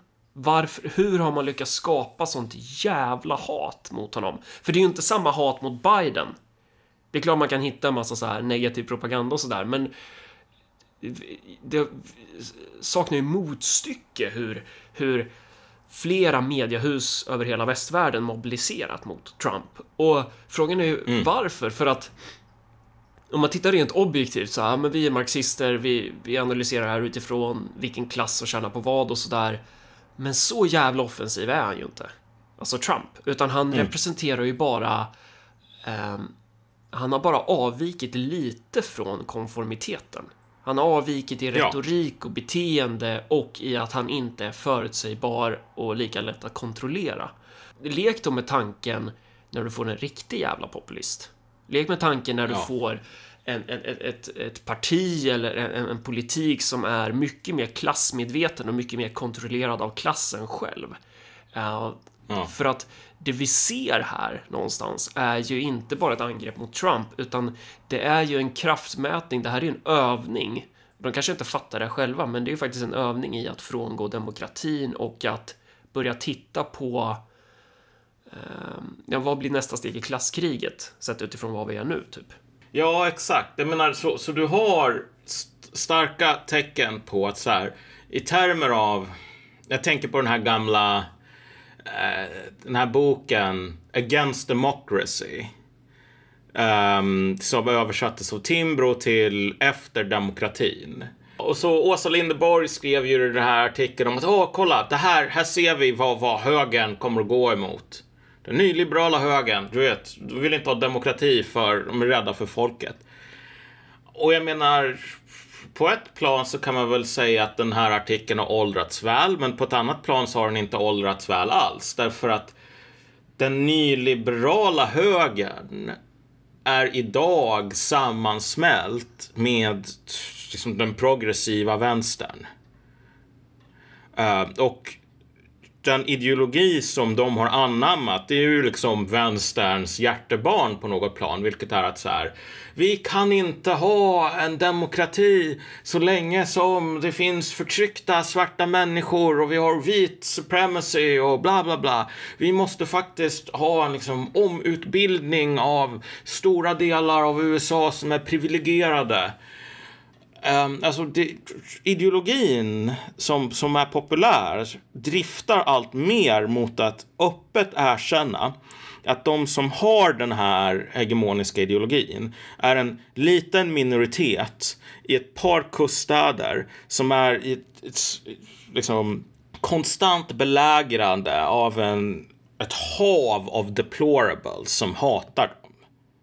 Och när du väl säger att, ja ah, vet du vad, det här, så ser det ut och det är inte en bugg, det är en feature. Det är inte ett tecken på att systemet har misslyckats utan att vi, de, de, de rättrådiga, är belägrade av majoriteten. Det visar bara att man inte kan lita på majoriteter. Um, då har du, det är, det är som en katt, du vet, innan den ska hoppa. Den, den, du vet, den rör på bakdelarna, liksom bara verkligen samlar kraft i benen innan den hoppar. Det är ungefär det som vi ser den här förberedelsen just nu till att liksom gå till en mycket mer alltså anti majoritetspräglad ideologi. Um, men bara för att avsluta den här poängen om censur. Det är ju en jättevanlig sak att säga idag att det stora problemet vi har i västvärlden det är att oligarkerna Eh, de, de håller på och censurerar nationalism, patriotism, whatever. Så här. De håller på och censurerar oss, liksom gör att en sida vinner. Snart kommer man inte kunna säga någonting. Det är inte problemet alls. Om det vore problemet, då skulle vi fan antagligen se fram emot tråkig stabilitet. Vad som är det riktiga problemet och det låter som kanske en löjlig sak, men det är en samhällsförstörande process. Det riktiga problemet är att vi har en elit som har byggt en enormt sofistikerad censurmaskin för att censurera sina egna hjärnor. För att liksom som någon sån här selektiv disassociations liksom förlamning typ inte kunna se vad som pågår i samhället.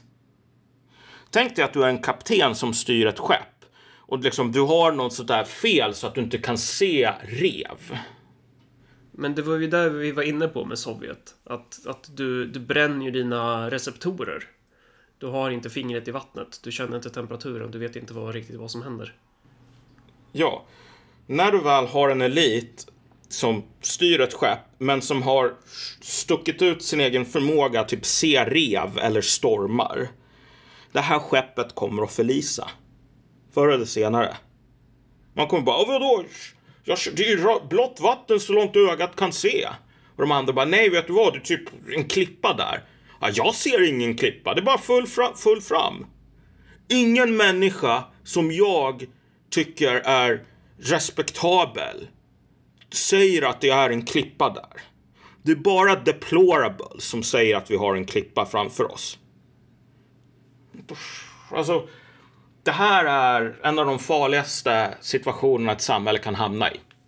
Och när ett samhälle hamnar i, eller samhällselit hamnar där, alltså då går liksom den samhällsomstörtningar, instabilitet, potentiellt även sådana här revolutioner som Ukraina, sådana grejer. Det går från att vara någonting som bara någon sån här fjunig socialist säger ja vet du vad mamma snart kommer revolutionen. Ja. Och, och, så kommer den aldrig därför att det här är bara en cope. Det går från att vara någonting som händer en på tiotusen gånger till att vara någonting som inte händer en på tiotusen gånger. För det där finns ju dels på klassmässig nivå. Men, men du kan ju använda samma modell för andra segment av befolkningen. Du kan ju också använda samma modell för hela nationen någonstans. För att det är väl lite det som har hänt med Sverige, tänker jag. Det, det finns ganska många människor som skulle säga att det finns väl ingen som röstar på Trump egentligen. Ingen jag känner röstar på honom. Men så visar det sig, att jo, han är väldigt populär. Han har... Han är mycket, mycket mer än den här fascistiska jättebebisen som våra kära medier har eh, lagt all sin energi på att berätta om. Till och med så att de så här, typ har prioriterat att berätta om honom mer än vad fan som händer i vårt eget land nästan. Nej, riktigt så är det ju inte, men, men så här, det har ju varit en helt jävla besatthet kring Trump. Um, men åter till det här med, med, med just att han representerar ju bara någonting. För han har ju inte ens, på många sätt kan man ju säga, han har ju inte ens gått långt. Han har ju bara varit en, en karaktär som sticker ut. Uh, men vi kanske, vi kanske har liksom rätt ut det där med klass, eh, själva klassen. Ja, det, men, Trump påminner lite grann om en Julius Caesar faktiskt. Och för varje vecka som går så blir tyvärr den jämförelsen mer och mer apropå. Mm. Och hur menar du då när han är en Julius Caesar? Det, det, det jag tänker då, det, då tänker jag Civilization 4. Eh, för jag är skadad. Och så tänker jag, okej, okay, han är... Nu ska vi se, vad fan var Julius? Han var väl organized och... Dis, man, man tjänar på att ha ett stort imperium med Julius Caesar. Ja, alltså Trump är inte organized. Den, den liknelsen kanske man inte kan sträcker sig nog inte så långt. Men, alltså, men grejen med Caesar är ju att han är ju den som på ett plan är den som krossar den romerska republiken.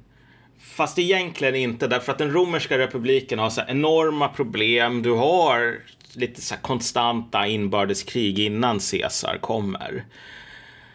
Uh, och försöka återställa stabiliteten, men ingen lyckas. Så för varje år som går så blir alla de här motsättningarna i samhället mellan liksom senaten och plebejerna och senaten och militären, de blir bara starkare och starkare.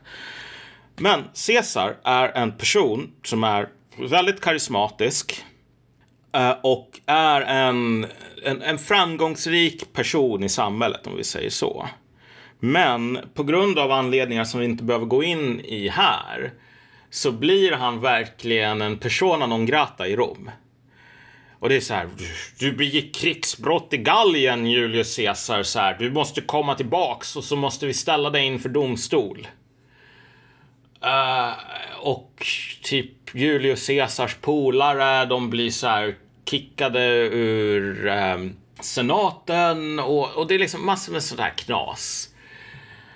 Uh, och Julius Caesar blir någon sån här uh, auktoritär, enväldig liksom diktator for life. Till stor del mot sin egen vilja. Utan han blir inträngd i ett hörn på grund av så här överklasspolitik. Och så säger han, alltså ni kommer att tvinga mig och bara förlita mig på folket för att besegra mina fiender inom överklassen. Och du vet, det är inte vem jag är, okej? Okay? Så här, jag kommer från samma miljö som ni. Jag, eh, du vet, delar era kulturidéer, allting sådant.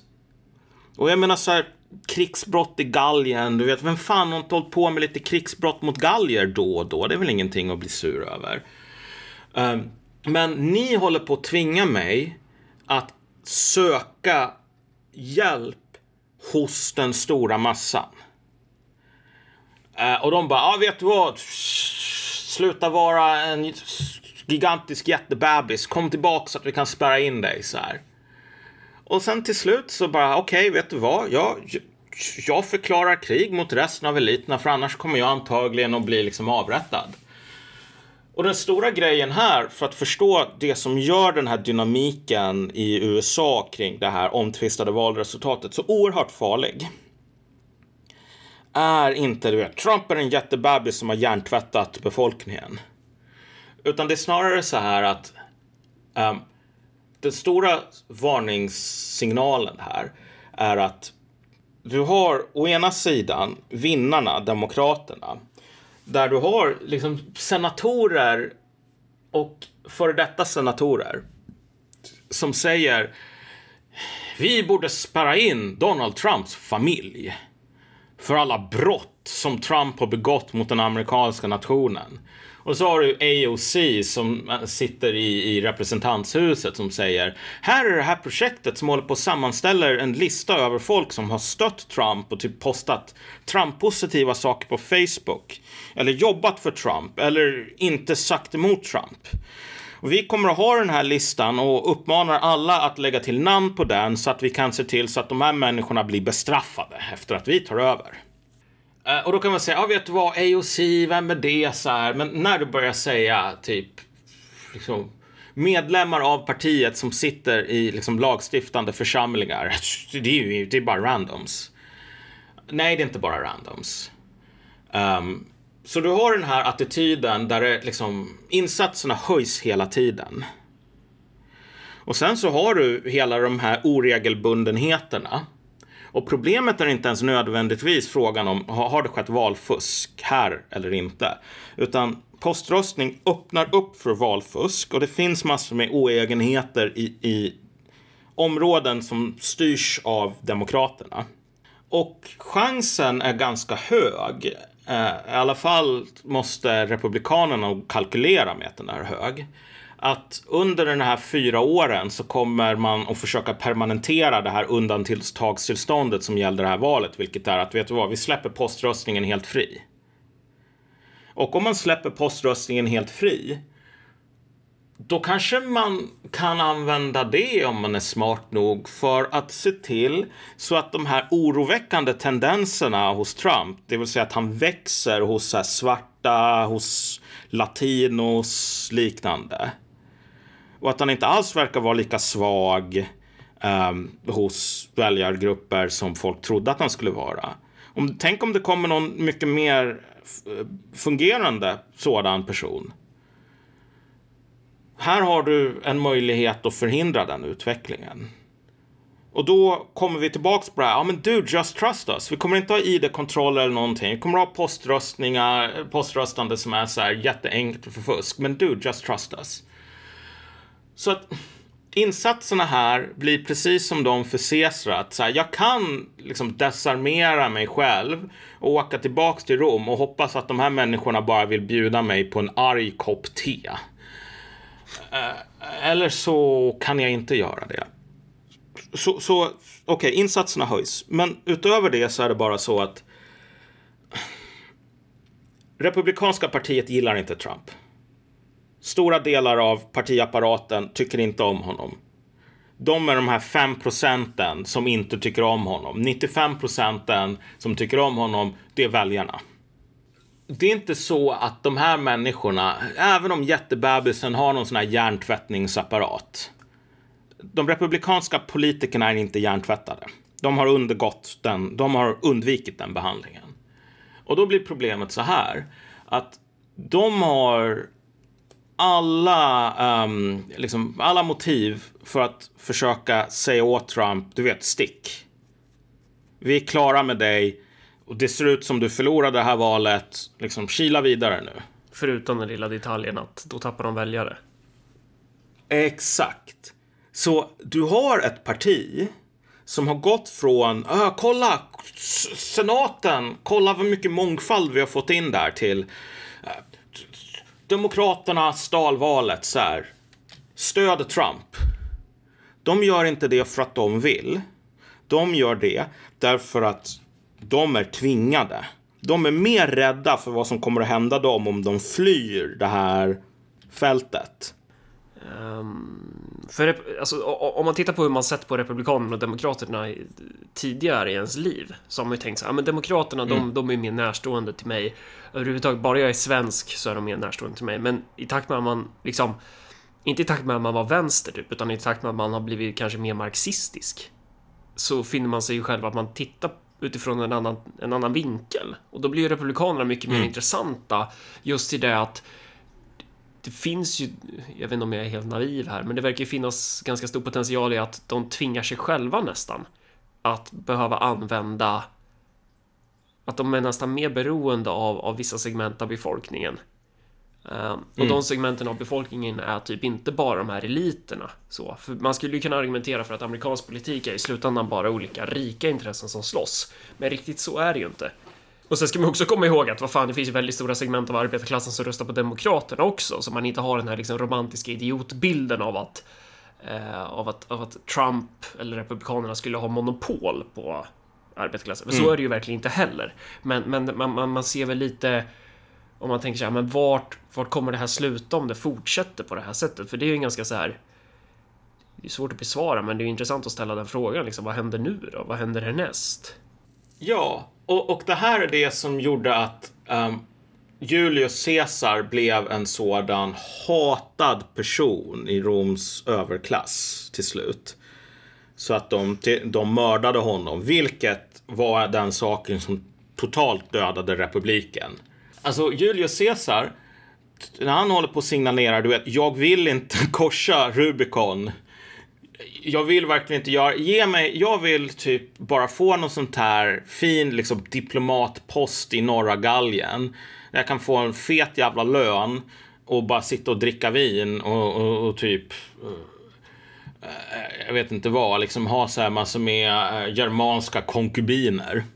Jag vill bara chilla. Ge mig en chans att bara chilla. Och de bara, äh, vet du vad, du är en jobbig jättebebis, du ska bestraffas. Uh, alltså, den romerska republiken, precis som den amerikanska republiken, var en oligarki. Visst, man kan ha massor med fina illusioner om att den amerikanska republiken, till, det, det är inte en oligarki, det är en, det är en, demokrati. Alla människor bestämmer lika mycket. Bullshit. Det finns inget samhälle där alla människor beställer, bestämmer lika mycket. Och den, eh, den, den, amerikanska republiken var till och med liksom när den eh, grundades liksom medvetet grundad på romersk modell därför att man inte ville ha för mycket demokrati som i Aten för det blir så jävla stökigt. Utan vi ska ha det som i Rom. Vi ska ha en senatorsklass. Problemet här är att alltså, de, den instabiliteten som fanns i överklassen i Rom när de håller på att slåss med varandra gör att till slut kommer det en person som bryter oligarkins allra viktigaste omerta.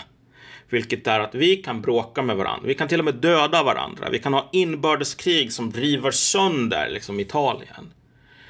Men du gör inte så att du säger för att vinna det här kriget inom överklassen så kommer jag att ta hjälp av plebejerna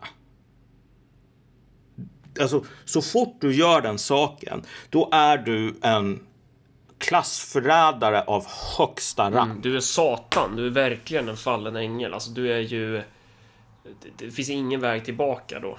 Det här är, när du talar om liksom Trump, hans brist på konformism. Mm. Visst, alltså på ytnivån så är det bara att han säger grab him by the pussy, seize the, seize the means of reproduction. Men på den djupare politiska nivån så är det här hans verkliga synd. Ja, och det är därför, alltså... Och det här är någonting som har genomgått från typ 2015. Där senatorsklassen i USA sa Trump är inte en seriös person. Han har ingenting här att göra. Stick härifrån.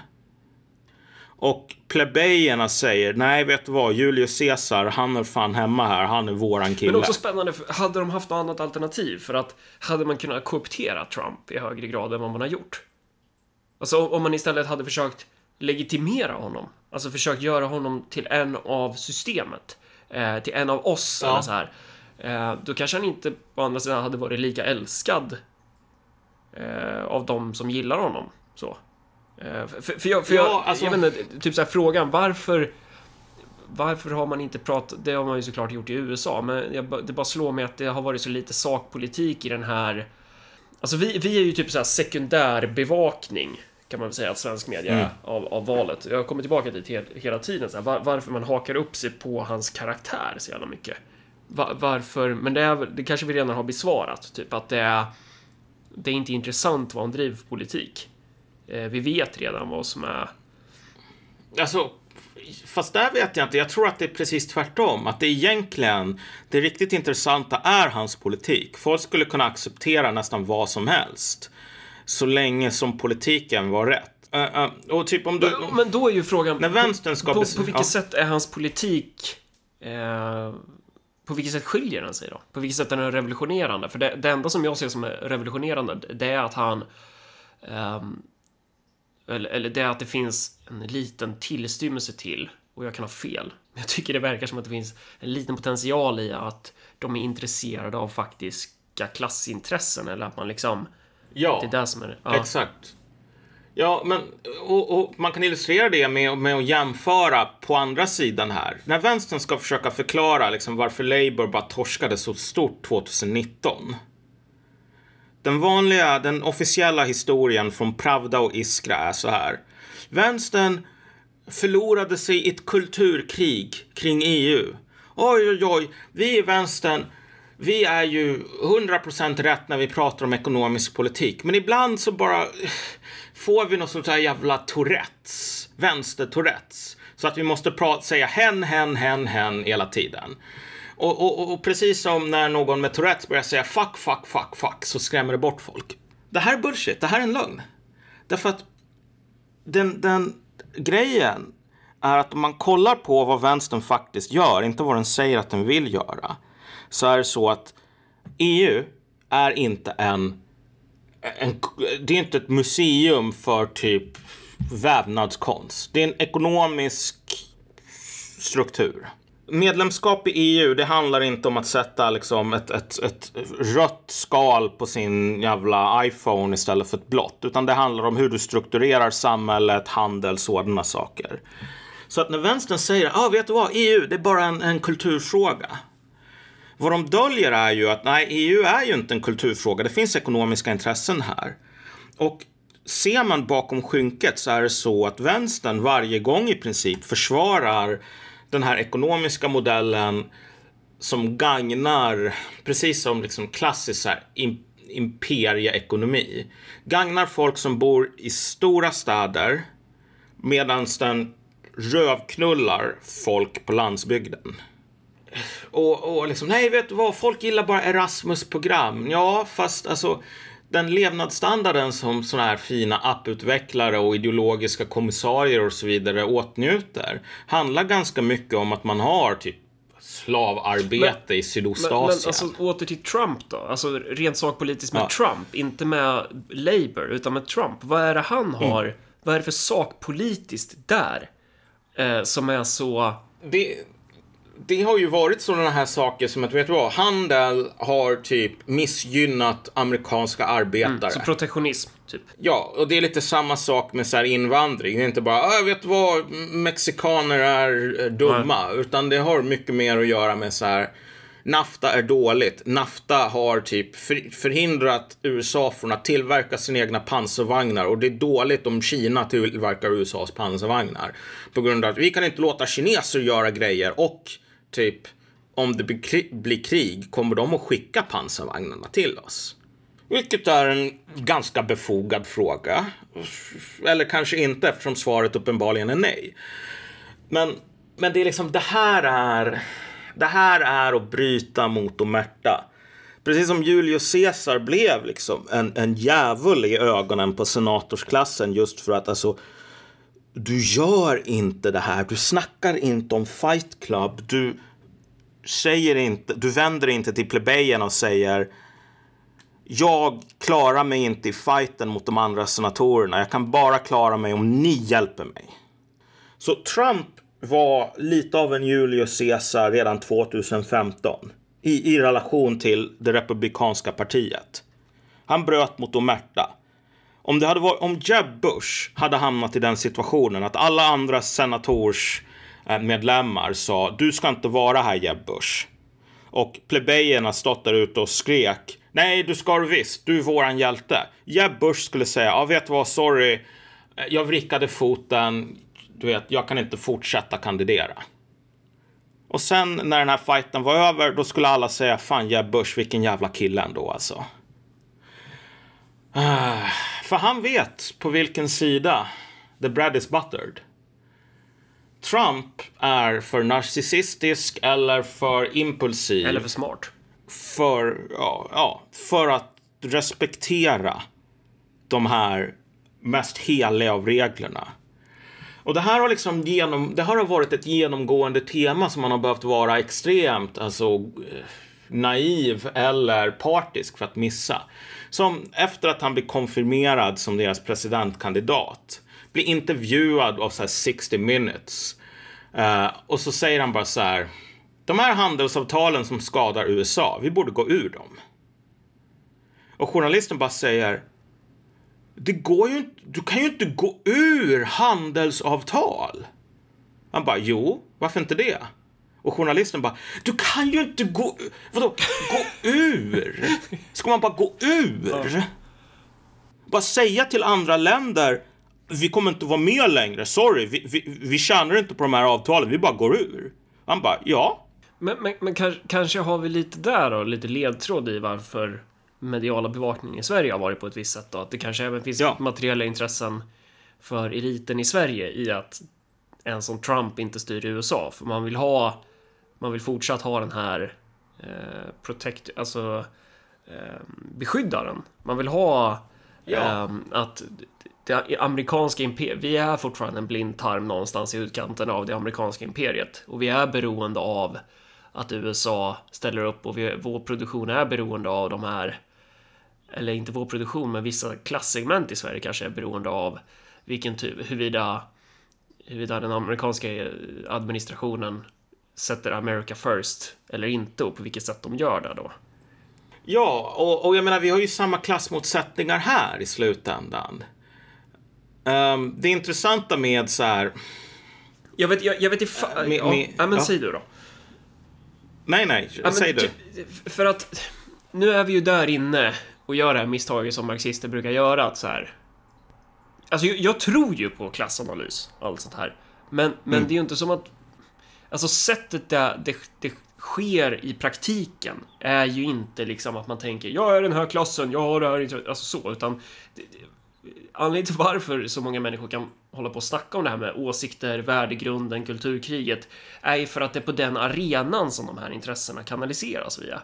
Eh, och jag, jag tror att de flesta liksom journalisterna på Sveriges Radio, de ser ju Donald Trump som alltså värderingsmässigt och åsiktsmässigt förtappad. Han har obekväma åsikter. Han, han tycker fel. Eh, det, det är värderingar.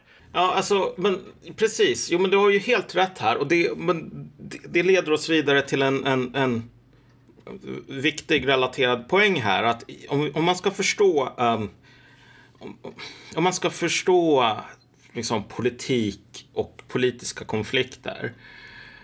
Man kan inte vara alltför så dogmatisk och tänka i, i nätta fack. Eller att folk går runt med in, varudeklarationer. så. Och, och, och alla de här, de reagerar alla de här teorierna och verktygen är ju ledtrådar. Alltså det, det är ju så man ska tänka. Teoretiska verktyg som marxistisk analys är ju inte sanning, utan det är ju ledtråd eller någon sån här bollplan, eller hur, hur ska man säga? Det är ju inte sanningen i sig. Så. Men det finns, det finns ju, men, men jag tror att man ser den sanna naturen hos många saker också i de här undantagen som är ganska ogenomtänkta. Liksom när av någon anledning rationaliseringsmaskinen bara hackar. Um, och, och jag kan ta ett konkret exempel. Det finns ju den här politiska, typ, vad det nu är, professorn i någonting, Ian Lustig, som har skrivit ganska mycket om den här Israel-Palestina-konflikten. Och hans tes är ju typ att en tvåstatslösning är död, utan det, det kommer att bli någonting annat. Vad det blir, det får man se, men tvåstatslösningen är död. Det, det är inte det, det intressanta här, utan han, han tar upp en anekdot som han tyckte var ganska illustrerande om vad problemet satt egentligen. Och det är så här att i Israel då, jag vet inte om det fortfarande gäller, så är det så att um, i alla fall enligt hans utsago. Så det var, jag tror att det var liksom socialkontor eller liksom man skulle ansöka om um, körkort eller någonting sådant. Någon sån här administrativ grej.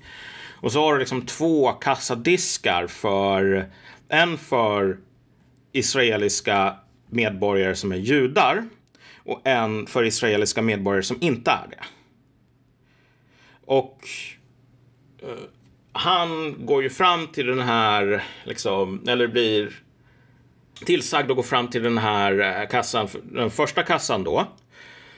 Uh, och så frågar han, liksom, kan jag få intervjua typ folk som står i den, den, den, den här andra kön för icke-judar? Och han får svaret. Varför behöver du göra det? De blir behandlade precis lika väl som medborgare. Och, och, det finns liksom i den där felsägandet så finns det lite av en poäng. Därför att här är ju grejen. Alltså, båda köerna är för medborgare. Det är bara liksom vilken etnisk tillhörighet du har. Så det som avslöjar sig här är ju kanske någon form av man inte riktigt ser dem i den andra kön som medborgare på riktigt. Mm. Och anledningen till att jag tar upp det där är att visst, om vi, om vi kollar på hur vänstern till exempel diskuterar um, eller ta någon sån här serietecknare som så Max Gustafsson som skriver mycket om uh, kapitalismens rovdrift, bla bla bla. Den, den, normala refrängen är så här, ja vet du vad, om SD har dåliga idéer då är det så att de har det på grund av att liksom, de bor i avfolkningsorter, kapitalismen är elak. Men då och då så lyser det här igenom, vilket är att SD de är feta och fula och inavlade. Och jag skulle säga att den här SD är feta och fula och inavlade representerar mer sanning än den här eh, liksom proforma beskrivningen av att ja, men det är kapitalismen som har tvingat fram det här. Och på samma sätt så skulle jag säga att visst, hos journalister överlag så finns det ofta den här... Mer sanning objektivt eller mer sanning utifrån hur du tror att han ser det? Ja, precis. Alltså hur, det, hur hans ideologi funkar. Så är det snarare undantaget som är regeln. Snarare än att undantaget bekräftar regeln. Och när du säger så att ja, vet du vad, i USA man förstår allt det här med liksom Trump, SD och så vidare som bara åsikter. I nio fall av tio så handlar det om åsikter, ja. Men i det här tionde fallet så är det så att folk uttrycker en ärlig oro för vad som händer om vi låter lågutbildade människor bestämma för mycket. Mm. Och min poäng här är bara att så här, även om det är så att den här lågutbildade människor bestämmer för mycket, lantisar, de har inte varit utomlands. De kan ingenting om geografi, bla bla bla bla bla bla bla. Att, att det kommer fram en gång av tio innebär inte att det är liksom bara en slump eller en bugg eller liksom det här är någonting man inte tror på på riktigt, utan det kan ofta vara precis tvärtom. Att den här mer involverade berättelsen är, en mer, är liksom mer falsk än den här bara spontana. Samma sak med typ Sydafrika under apartheid. Frågar du de officiella källorna så är så här, vi har bantustans för att vi tror väldigt mycket på så här, uh, på, på vikten av att bibehålla den autentiska kulturen och det här är verkligen, vi, vi, vi värdesätter alla medborgare. Um, men sen så blir det så här som den här scenen i uh, Dödligt vapen, om det är fyra eller vad det nu är, där det här Murtaugh går in på den sydafrikanska ambassaden och säger jag ansöker om medborgarskap. Och de bara But, but, but You're black! liksom det här Vad fan ska en neger i Sydafrika göra liksom? Så här. Vilket inte är i linje med det här att du vet, vi behandlar alla lika bra, alla är värdefulla medborgare och sen bara, ja men typ, vadå, ska du typ in i gettot eller? Men vad fan, ja. Jo. Hur avslutar vi det här? Det känns som att jag måste dra om 20 min. Eller, eller jag måste typ dra Ja, nu. okej. Men eh, det känns som att vi har gjort poängerna. Jag bara tänker hur vi ska runda ihop. Det, för vi är ju i slutet nu liksom. Ja. Ehm, så, så att det är någonstans en... Nej, men jag, tyckte, jag tyckte du sa det bra med det där att det, det ligger typ i... Det är den spontana känslan. Det är det som ligger närmast till hand som på något sätt där, där avslöjar ideologin dess klasskoppling någonstans. Ja, exakt. Alltså så här att alla ideologier fungerar ju som en liksom ganska invecklad form av rationalisering, förklaring, dubbelförklaring, förklaring varför förklaringen inte funkar, bla Och då är det egentligen rädslan för Trump är egentligen inte Trump utan rädslan är ju hans bas. Och där, där kan man ju koppla till ehm, till hur det är, för jag har fått höra det från folk, inte sällan personer som har gått på Karolinska läroverket här i Örebro och sen flyttat till antingen Stockholm, Malmö eller Göteborg och som är de här karro-hemvändarna som man säger Tja, är det bra eller? Vad gör du nu? När man träffar dem på juldagen. Eh, de personerna, deras liksom starkaste invändning som man märker att de, fan det här har de verkligen tänkt på. Det är, men vad säger du om att det är SD-väljare som röstar på dig? Att det, det är liksom, Ja, där någonstans, där har vi ju klassintresset någonstans. Där har vi ju, för det där Ja. är ju den spontana ideologiska reaktionen. Eller ta, ta bara Joakim Lamotte för den som tvivlar på att det finns en omerta eller en medvetenhet om så här klasstillhörighet. Alltså, Lamotte är ju svenska journalisters Julius Caesar. Alltså djävulen, klassförrädaren. Han som övergav senatorsklassen för plebejerna. Det är någon sån här jävla skjutning i Upplands Väsby. Och vad gör den här förrädaren Lamotte? Han åker ut med en kamera och så frågar han vad tycker ni om det här? Ren nazism. Ja, och folk blir bara så här. Det här Lamotte gör, det är fan inte Mm. okej.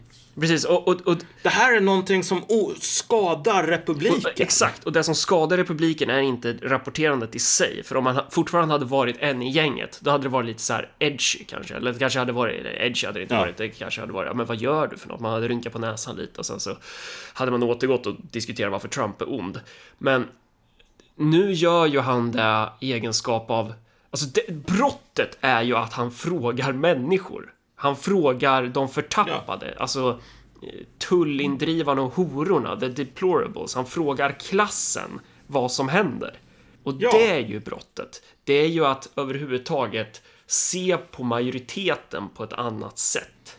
Ja, och det här, alltså om vi nu bara ska knyta upp säcken för varför man är en total idiot om man tror att uh, liksom Trump bara en dålig förlorare, det är ingenting. Om två månader då kommer Biden att vara president och så kommer allt att återgå till det normala.